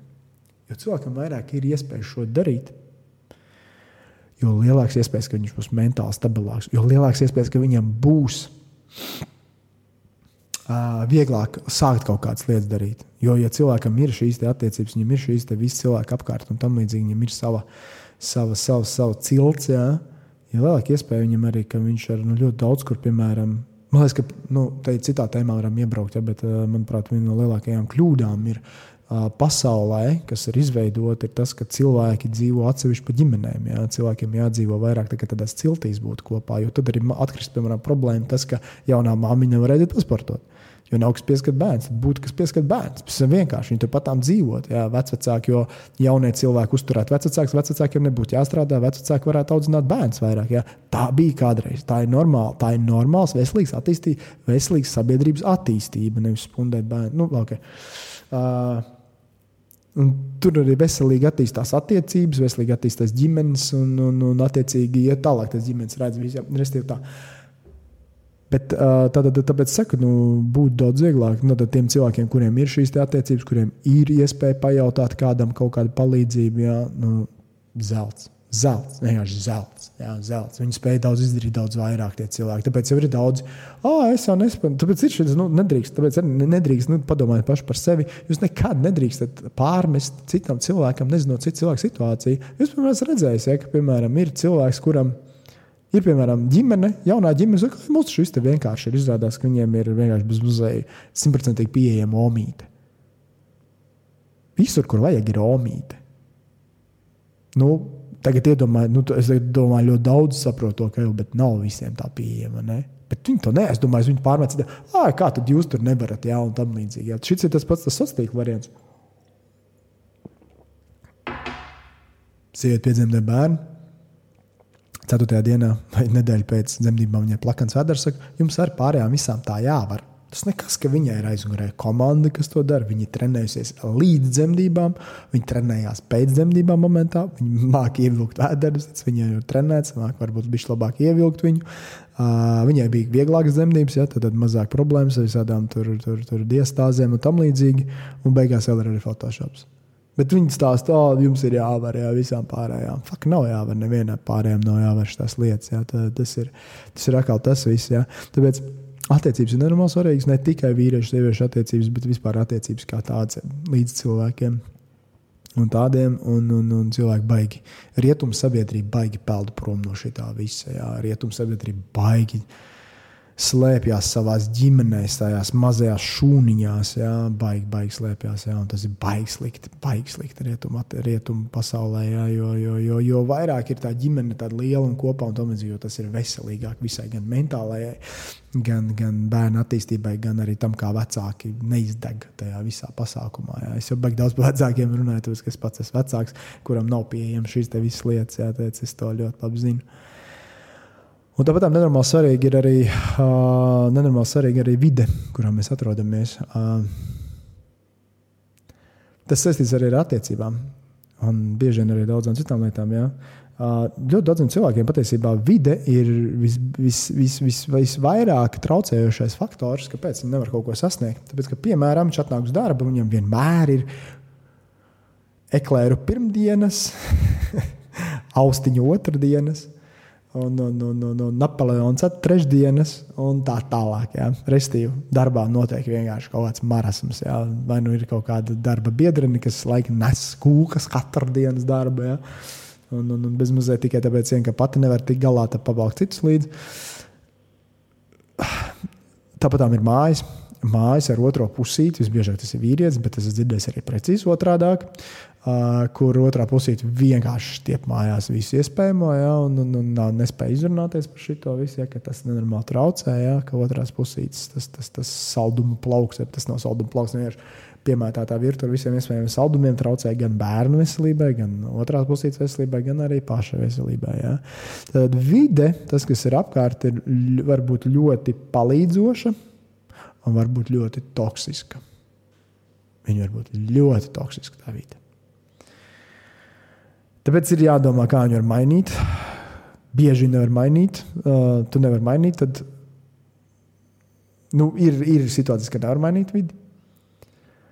Ir situācijas, kad vidi ir jāmaina ļoti agresīvi, pat ejot, teiksim, ja tas ir darbā, jāiet pie darba devēja, ka tas reāli traucē. Man traucē, nu, kā jāpasaka, fakt, man traucē, nu, vienkārši man traucē performance. Man, es pat palieku sliktāk darbinieki tikai tāpēc, ka man kādu dienu te kūksēt, vai kādu dienu lietu oho. Un nu, tur var būt ekstrēma variants, pat nu, saka, iet, iet, iet pie vadības, kas nav ekstrēma. Ekstrēms variants ir nomainīt darbu. Jā, piemēram, jā. man liekas, mūsdienās tas nav, nav, nav tā viena lieta, no kā nav jābaidās. Īpaši ņemot vērā, ka darba spēka trūkums ir pamatīgs. Jā. Nav, domāju, jābaidās mainīt darbu, mainīt nodarbošanos un tam līdzīgas lietas. Tikai jāpaskatās, kā es saku, bišķi jāpaskatās plašāk, jāparunā ar tiem cilvēkiem, kas kur kad kā. Ļoti bieži pietiek vienkārši kādā formā ierakstīt, tev klau vai nu, kāds Nezinu, varbūt meklē kaut kur kaut kādus darbiniekus, vai varbūt apmāca darbiniekus, jā, un varbūt karjeru vienkārši iespējams nomainīt. Tik daudz sievietes ir aizgājuši, piemēram, no uh, skolotāja darba, kas ir briesmīgs darbs, manuprāt, jā, ņemot vērā ne tikai ne, tas ir ļoti vajadzīgs darbs un tam līdzīgs, bet zinot tas, kā skolotājs tiek. Uh, Tāpat kā ļoti daudz citu, tur arī medicīnas darbinieki tiek mocīti ar eh, visādu darba apjomu un, un, un ēšanas ziņā. Ja, un tur viņiem nedod, viņiem vispār nav laika pārējais darbdienas laikā, kas ir šausmas. Ir ļoti daudz skolotāju, medicīnas darbinieku, man ir nu, medmāsīņas īpaši. Ir ļoti daudz mani klienti, kuriem es cenšos palīdzēt, cik vien var. Un arī tā neperfekcija, protams, vienmēr strādā. Bet uh, tā ir tā lieta, jā, kad. kad, kad, kad, kad, kad uh, tā vide, iespējams, jāmaina. Un kad es saku, ka ļoti daudz tādu pirms skolotājas ir pārkvalificējušās par uh, IT speciālistiem, kas tagad ir diezgan vienkārši to izdarīt. Ir, ja? uh, atrast kaut kādus darbus, arī tikko dzirdējām, mums ģimenē notikās arī tas, ka, jā, ka viena sieviete vienkārši sāk strādāt. Kaut kā vienkārši sāk strādāt ārzemju kompānijā, normāli atalgot darbu no mājām. Daudz kas ir iespējams, vienkārši jāskatās vairāk apkārt, jā, kas tur notiekās. Jā, un, un, un, un, un, un, un tāpēc saka, vide ir viena no lietām, ko, ko pamatīgi pamainīt. Tā kā redz, nu, re, uh, es esmu runājis baigi daudz tā tēma, man liekas, ja tur maltu un maltu un maltu un maltu. Es, es pat, man liekas, neesmu runājis. Es, es, es, protams, ka visu neesmu pateicis to, ko es gribēju pateikt. Jā, ir kaut kādas lietas, ko es vienkārši jūtu, ka es gribu aizrunāties tajās visās. Uh, bet vēl viena lieta, kas noteikti ir jāpiemina arī šajā visā stāstā, ir, ir pārtiks industrija. Pārtiks industrija jāsaprot ar to, ka ļoti daudz cilvēku domā, ka pārtiks industrija ir kaut kas balts un pūkains. Bet jāsaprot, ka vienkārši pārtiks industrija ir, ja nemaldos, otrā vai trešā pelnošākā industrija. Pirmā ir naftas, otrā es neatceros, otrā varbūt arī bija pārtiks industrija. Es tie cilvēki vienmēr gribēju saist. Uh, Un uz to var pelnīt, un to pelnīt var fantastiski labi. Tas, ka mēs skatāmies, ka tur kaut kādiem restorāniem grūti iet vai kafejnīcām grūti iet, tas ir cits stāsts. Uh, tur, tur, tur, tur es neko nevaru izdarīt, tur es nezinu to biznesu. Es nezinu, kāpēc viņiem grūti iet. Uh, piemēram, Spānijā man liekas, viņiem neiet grūti. Un tur, tur ir jautājums par cilvēkiem un apmeklētājiem un cenām. Es nezinu, vienkārši es negribu iedzināties tajā. Bet, redziet, pārtiks industrija, ko dara? Pārtiks industrija apzināti rada lētas ēdienu alternatīvas. Viņi mēģina parādīt, hei, klausies, no nu, kur ir baigts lētais ēdiens. Un ar savu lētu ēdienu, piemēram, tas pats McDonald's vai kaut kas tamlīdzīgs, viņi tik ļoti izplatās, ka viņi īstenībā izspiež, izspiež cita ēdiena alternatīvas no tirgus. Piemēram, agrāk bija varbūt krietni vairāk uh, mazas kafejnīcas, kur arī ienākt apēst karbonāta kartupeļiem, kas mums daudz labāks variants nekā. Uh, McDonald's, ja, tad tiksim, izplašoties tādiem McDonald'iem, nu, visādiem ātrām ēšanas ķēdēm un ātrā ēšanas variantiem. Jo vairāk viņi izplatās, jo mazāk paliek vietas, jo mazāk klienti patiesībā paliek arī šādām vietām, kur varbūt bija dārgāk bija sākotnēji. Ja. Bet cilvēki, jā, nu, tad ērtāk ir aiziet uz McDonald's, un, un, un varbūt pat tur kaut kam liekas garšīgāk, un, un pieredums radās. Tad tas ir normāli, ka radās pieredums pie visiem fast foodiem un tam līdzīgām lietām, nu, tāpēc, ka viņas tā ražo, viņi tādi ir. Jā, un, un, un ar laiku, protams, tur tā cena arī tas, ka uh, McDonald's laika paliek aizvien, vai nu, es te saucu McDonald's, viņš nav vienīgais vispār. Tie visi, jā, pēc kārtas, visas, gan, gan, gan, gan lētās pizzerijas, nerunāju par kvalitatīvām pizzerijas, lētās pizzerijas, lētie visi burgernīcas. Uh, kebabnīcas un tam līdzīgi. Ja, kebabs gan viens no labākajiem no šiem visiem lētajiem, lētajiem pat labākais varbūt no visiem tiem lētajiem variantiem. Bet, uh, Jo vairāk viņi parāda to, ka hey, mēs varam saražot elementāri ar, ar rūpnieciskām metodēm, spējam saražot lētāku ēdienu, un, un mēs viņam varam pārdot lētāk, kā monētu, pa eiro nāc pēc burgeru. Uh, jo vairāk iziet no tirgus tieši šīs alternatīvas, kas varēja būt, kas varēja pastāvēt. Uh, ne tikai restorānu un dārza kafejnīcas, bet varēja pastāvēt kaut kāds vēl vidusceļš, bet viņi iziet no tirgus, jo viņiem vienkārši noņem to klientu nost. Un kam tas ir izdevīgs? Izdevīgs tikai un vienīgi šai industrijai, kas ir iespējams otrā vai trešā pelnošākā industrija pasaulē - pārtiks rūpniecība. Viņi ir izdevīgi, ka visi cilvēki pāriet uz gatavo ēdienu. Nu, kā no viņiem pērk to ēdienu? Nevis pērk no zemniekiem kaut kādus tur, tur uzaudzētus tos visas lietas, bet no viņiem pērk. Un patiesībā zemniekiem arī ir daudz izdevīgāk tas, ka viņiem ir, nu, kā zemniecībā ir daudz izdevīgāk audzēt tos, tos vienkāršas lietas, kas, no kuras var iegūt cukurs, miltus un eļļu pamat izēvielu visam, ko var pēc tam izražot. Ja? Jo pārtiks industrija pārsvarā tā arī ražo tās visas alternatīvas. Viņi paņem miltus, cukurus, neļu. Un tagad, ko mēs varam no tā uztaisīt? Apmēram tā tiek ražotie produkti. Ok, tad, piemēram, šitos tas tas tā klāt, ho, sanāca kūciņa. Ja? Kas ir līdzīga īstai kūciņai, tikai nav īstā kūciņa. Un paiet 20 gadi, un neviens jau nezina, kā garšo īstā kūciņa. Jo viss garšo jau tāpēc, ka pārtiks industrija. Tā kā mēs zinām par visādām šokolādēm, mūsu klasiskajām tortēm, mūsu klasiskajām, kas neviens negaršo tā kā kādreiz garšo. Tā ir īstenībā diezgan liela taisnība. Teic, ka to ražo tagad citādāk, jā, to vienkārši izmantot pēc iespējas lētākas metodas. Bet tā pamatīde šeit industrijai ir tāda, ka viņa nevienā acī neinteresē. Uh, cilvēku veselība vai kaut kas tamlīdzīgs neinteresē, kā cilvēks iespējas vairāk nopirkt šo produktu. Jo vairāk pirks to produktu, jo viņš vairāk pērk kalorijas. Tas ir vienkārši, vai ne? Viņš kalorijas pērk vairāk. Ne jau produktu ne jau, ne jau, ne jau mazāk. Jo, jo nu, tu, tur ir tās kalorijas, viņas ir lētas, viņas, viņas viegli, viegli pārdot. Un, viss. un, ja kalorijas ir vairāk, svars iet augšā. Tik vienkārši tas arī ir. Nekas jau tur grūtāks nav. Tālāk. Un, un, un, un, un, tur, tur īsti neko padarīt nevarēs. Tāpēc es teiktu, tā tie cilvēki, kuri spēja atrast laiku gatavošanai un spēja atrast prioritāti kaut kādu ēšanu, padomāt par ēšanu. Nu, Tie cilvēki tikai nākotnē būs tie, kuri spēs saglabāt kaut kādu veselību. Pārtiks industrija neatrisinās šo jautājumu. Viņai nav tā interese vienkārši. Viņai nav interese ražot tādu ēdienu, kurš, nu, kur cilvēki ēst mazāk vai ēst saprātīgos daudzumos. Viņam jau uzražo ēdienas, kurš tiek apēsts ļoti daudz. Tāpēc ir tas gala rezultāts ir tāds, protams, ka tas nenozīmē, ka pārtiks industrija nu, viss, nu, kā, nu, var jau teikt, ka viss ir slikti. Šis naftas bizness ir slikts, pārtiks bizness ir slikts, ieroču bizness ir slikts, viss ir slikts, viss ir slikts, viss, kur pelna naudu slikti, bet tā pasaule tā griežās. Jā. Nu, tas būtu muļķīgi tā uzskatīt, pasauli, ka tas viss ir slikti. Skaidrs, ka mēs ēdīsim visus tos produktus no pārtiks industrijas, bet jo vairāk būs gudri cilvēki, sapratīs to, ka, ok, un te arī tas ir tā neperfekcija uz diētām. Te ir arī tā, mēs ņemam visu to, ko mēs runājām, to, ko es runāju.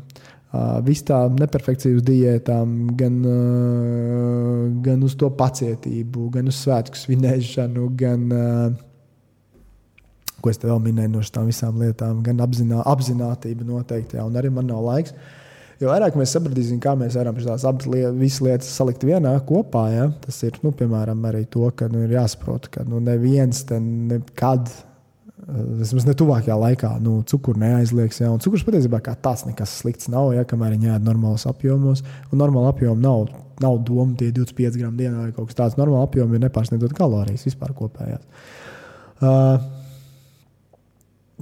kamēr mēs kaut ko, kamēr mēs, kā saka, kaut cik ēdam normālu ēdienu, mēs varam atļauties arī pārtiks industrijas šos visus izstrādājumus. Un tad mēs varam atslēgt šo, te, piemēram, neperfekciju ja, un saprast to, ka tādā veidā mēs arī varam tikt galā ar šiem visiem, ko mums tik ļoti kārojās. Ja. Tad mums par kārojās, ja mums vajag forši brīvdienās aizbraucam maķītī, iest vai kaut ko tādu. Un ir ok, vajag forši. Nu, kā ģimene aizbrauc, tad iet, viss kārtībā. Tas taču lai taču, jo bērniem gribās un tam līdzīgi gribās. Bet tur ir jāsaprot, tad jāsaprot tas standartiņš. Ir, jā, kad, uh, tas nenozīmē, ka kaut kas slikts noticis vai ka tur diēta beigusies kādam vai kaut kas tāds. Jā. Kamēr pamata ēdiens ir puslīdz normāls, kamēr cilvēks kustās, Viņš var arī atļauties kaut katru dienu ēst kaut kādus izsaldumus, nu, protams, ne neierobežotā daudzumā, bet viņam negribēsies neierobežotā daudzumā, ja viņš būs normāli paēdis, normāli pamatēdienu. Tas ir tas, ko es pamatā mācu savā uzturprojektā.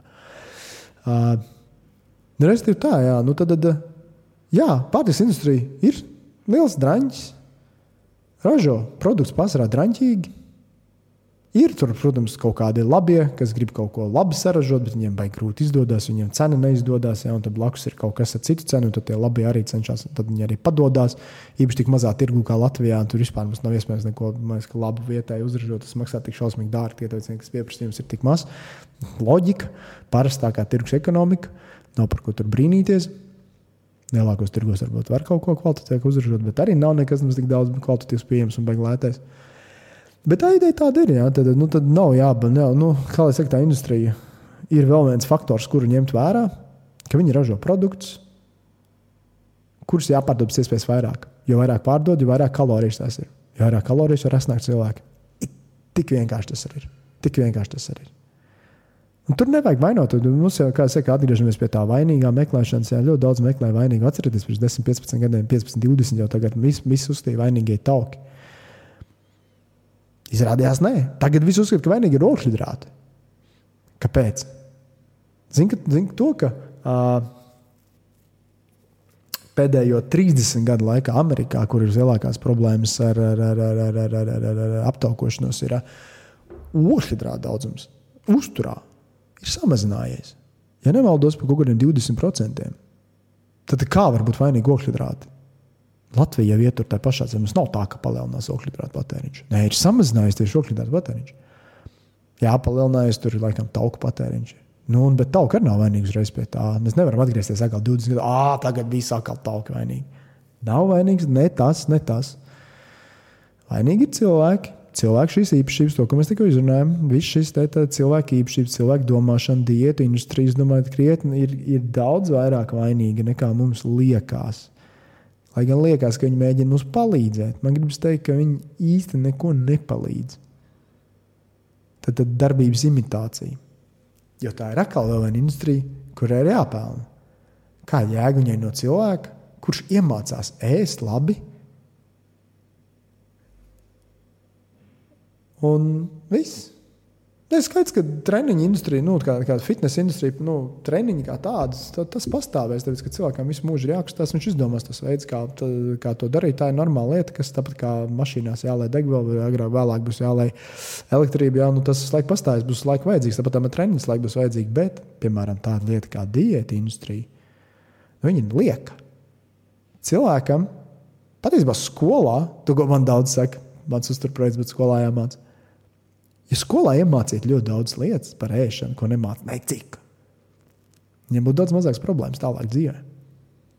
Pat ja cilvēkam būtu tās problēmas, viņš saprastu, kāpēc viņam ir tās problēmas. Viņš saprastu, kur no kurienes, kas notiek. Nevis tagad, tagad ir it kā ir, visi it kā kaut ko mācās, visi, pie, visi kaut kur tievē, visi kaut ko dara, bet viens īsti nevar izskaidrot, tā, ka visiem ir tik milzīgi, kāpēc man tas svars nekrīt, kāpēc es nevaru noturēt to svaru.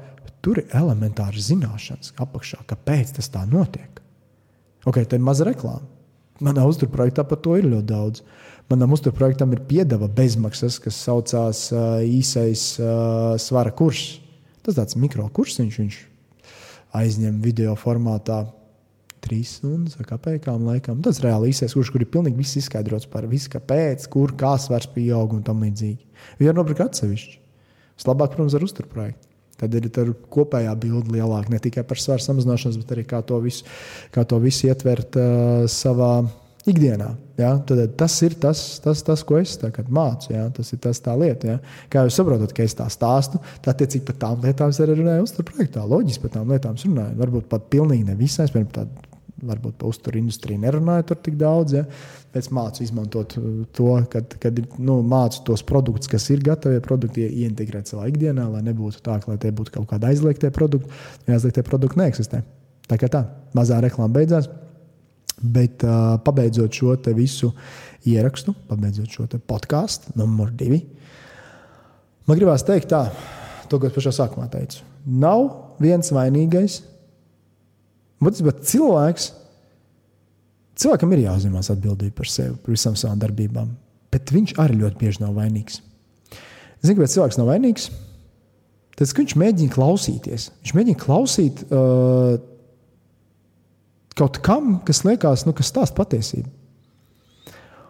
Un diētu tievēršanas industrija ir to cilvēku, ja mēs runājam par tieviešanu, ir vadījusi visu laiku aiz deguna. Principā vazāj, vazājusi, tas tāds pareizais vadājis, vazājusi aiz deguna. Jo nav pateikusi, kur īstenībā slēpjas tās viņa problēmas. Šis bija ieraksts, lai pastāstītu, par ko īstenībā vajag aizdomāties. Ka ir ļoti daudz papildu lietas, par kurām domāt, ārpus tā, ka man nav motivācija. Es atvainojos. ārpus tā, ka man nav motivācija. Tas ir viss stulbākais, ko pieņemt, man nav motivācija. Vai viss stulbākais, ko pateikt treneris, tev nav motivācija, vai tu esi vājš, tev nav gribas spēka. Tas ir stulbākais, ko var pateikt jebkurš treneris tev ir kā trenerim jāatrod, kāpēc tam cilvēkam nav, vai arī jāiedod, kā lai saka, tas, tas, cik daudz viņš var izdarīt tajā brīdī. Viņam varbūt tiešām nav motivācijas tajā brīdī, bet joprojām pie kura cilvēka var strādāt. Ja kurš cilvēks var uzlabot, kā jūs teicāt, mēs nedomājam perfekcionismos un visādās citās lietās, ja kurš cilvēks var uzlabot kaut ko savā uzturā. Ar to es arī gribētu beigt šo video. Pie šīs tēmas noteikti es uh, video un ierakstu, jo daudz klausās audio. Es domāju, daudzi uh, Pie šīm tēmām, ne pie visām uzreiz, bet uh, arī turpmākajos video gan jau kas sanāks atgriezties, pa bišķiņam, pa bišķiņam, pa bišķiņam, pa bišķiņam. Sanāks atgriezties, parunāt par kaut ko atsevišķu, vairāk dziļāk, varbūt un tam līdzīgi. Varbūt arī komentēt, arī, ko jūs gribat dzirdēt uh, no šīm tēmām, atsevišķajām, varbūt par kādu vajag vairāk runāt, jo par katru no viņām īstenībā var runāt veselu podkāstu. Uh, tas ir vesels stundu vai pusotru Man patīk runāt. Es ceru, ka kāds klausās līdz beigām. No komentāriem sapratīšu arī. Uh, tā kā jā, tā. Ok, paldies. Un tiekamies citā ierakstā.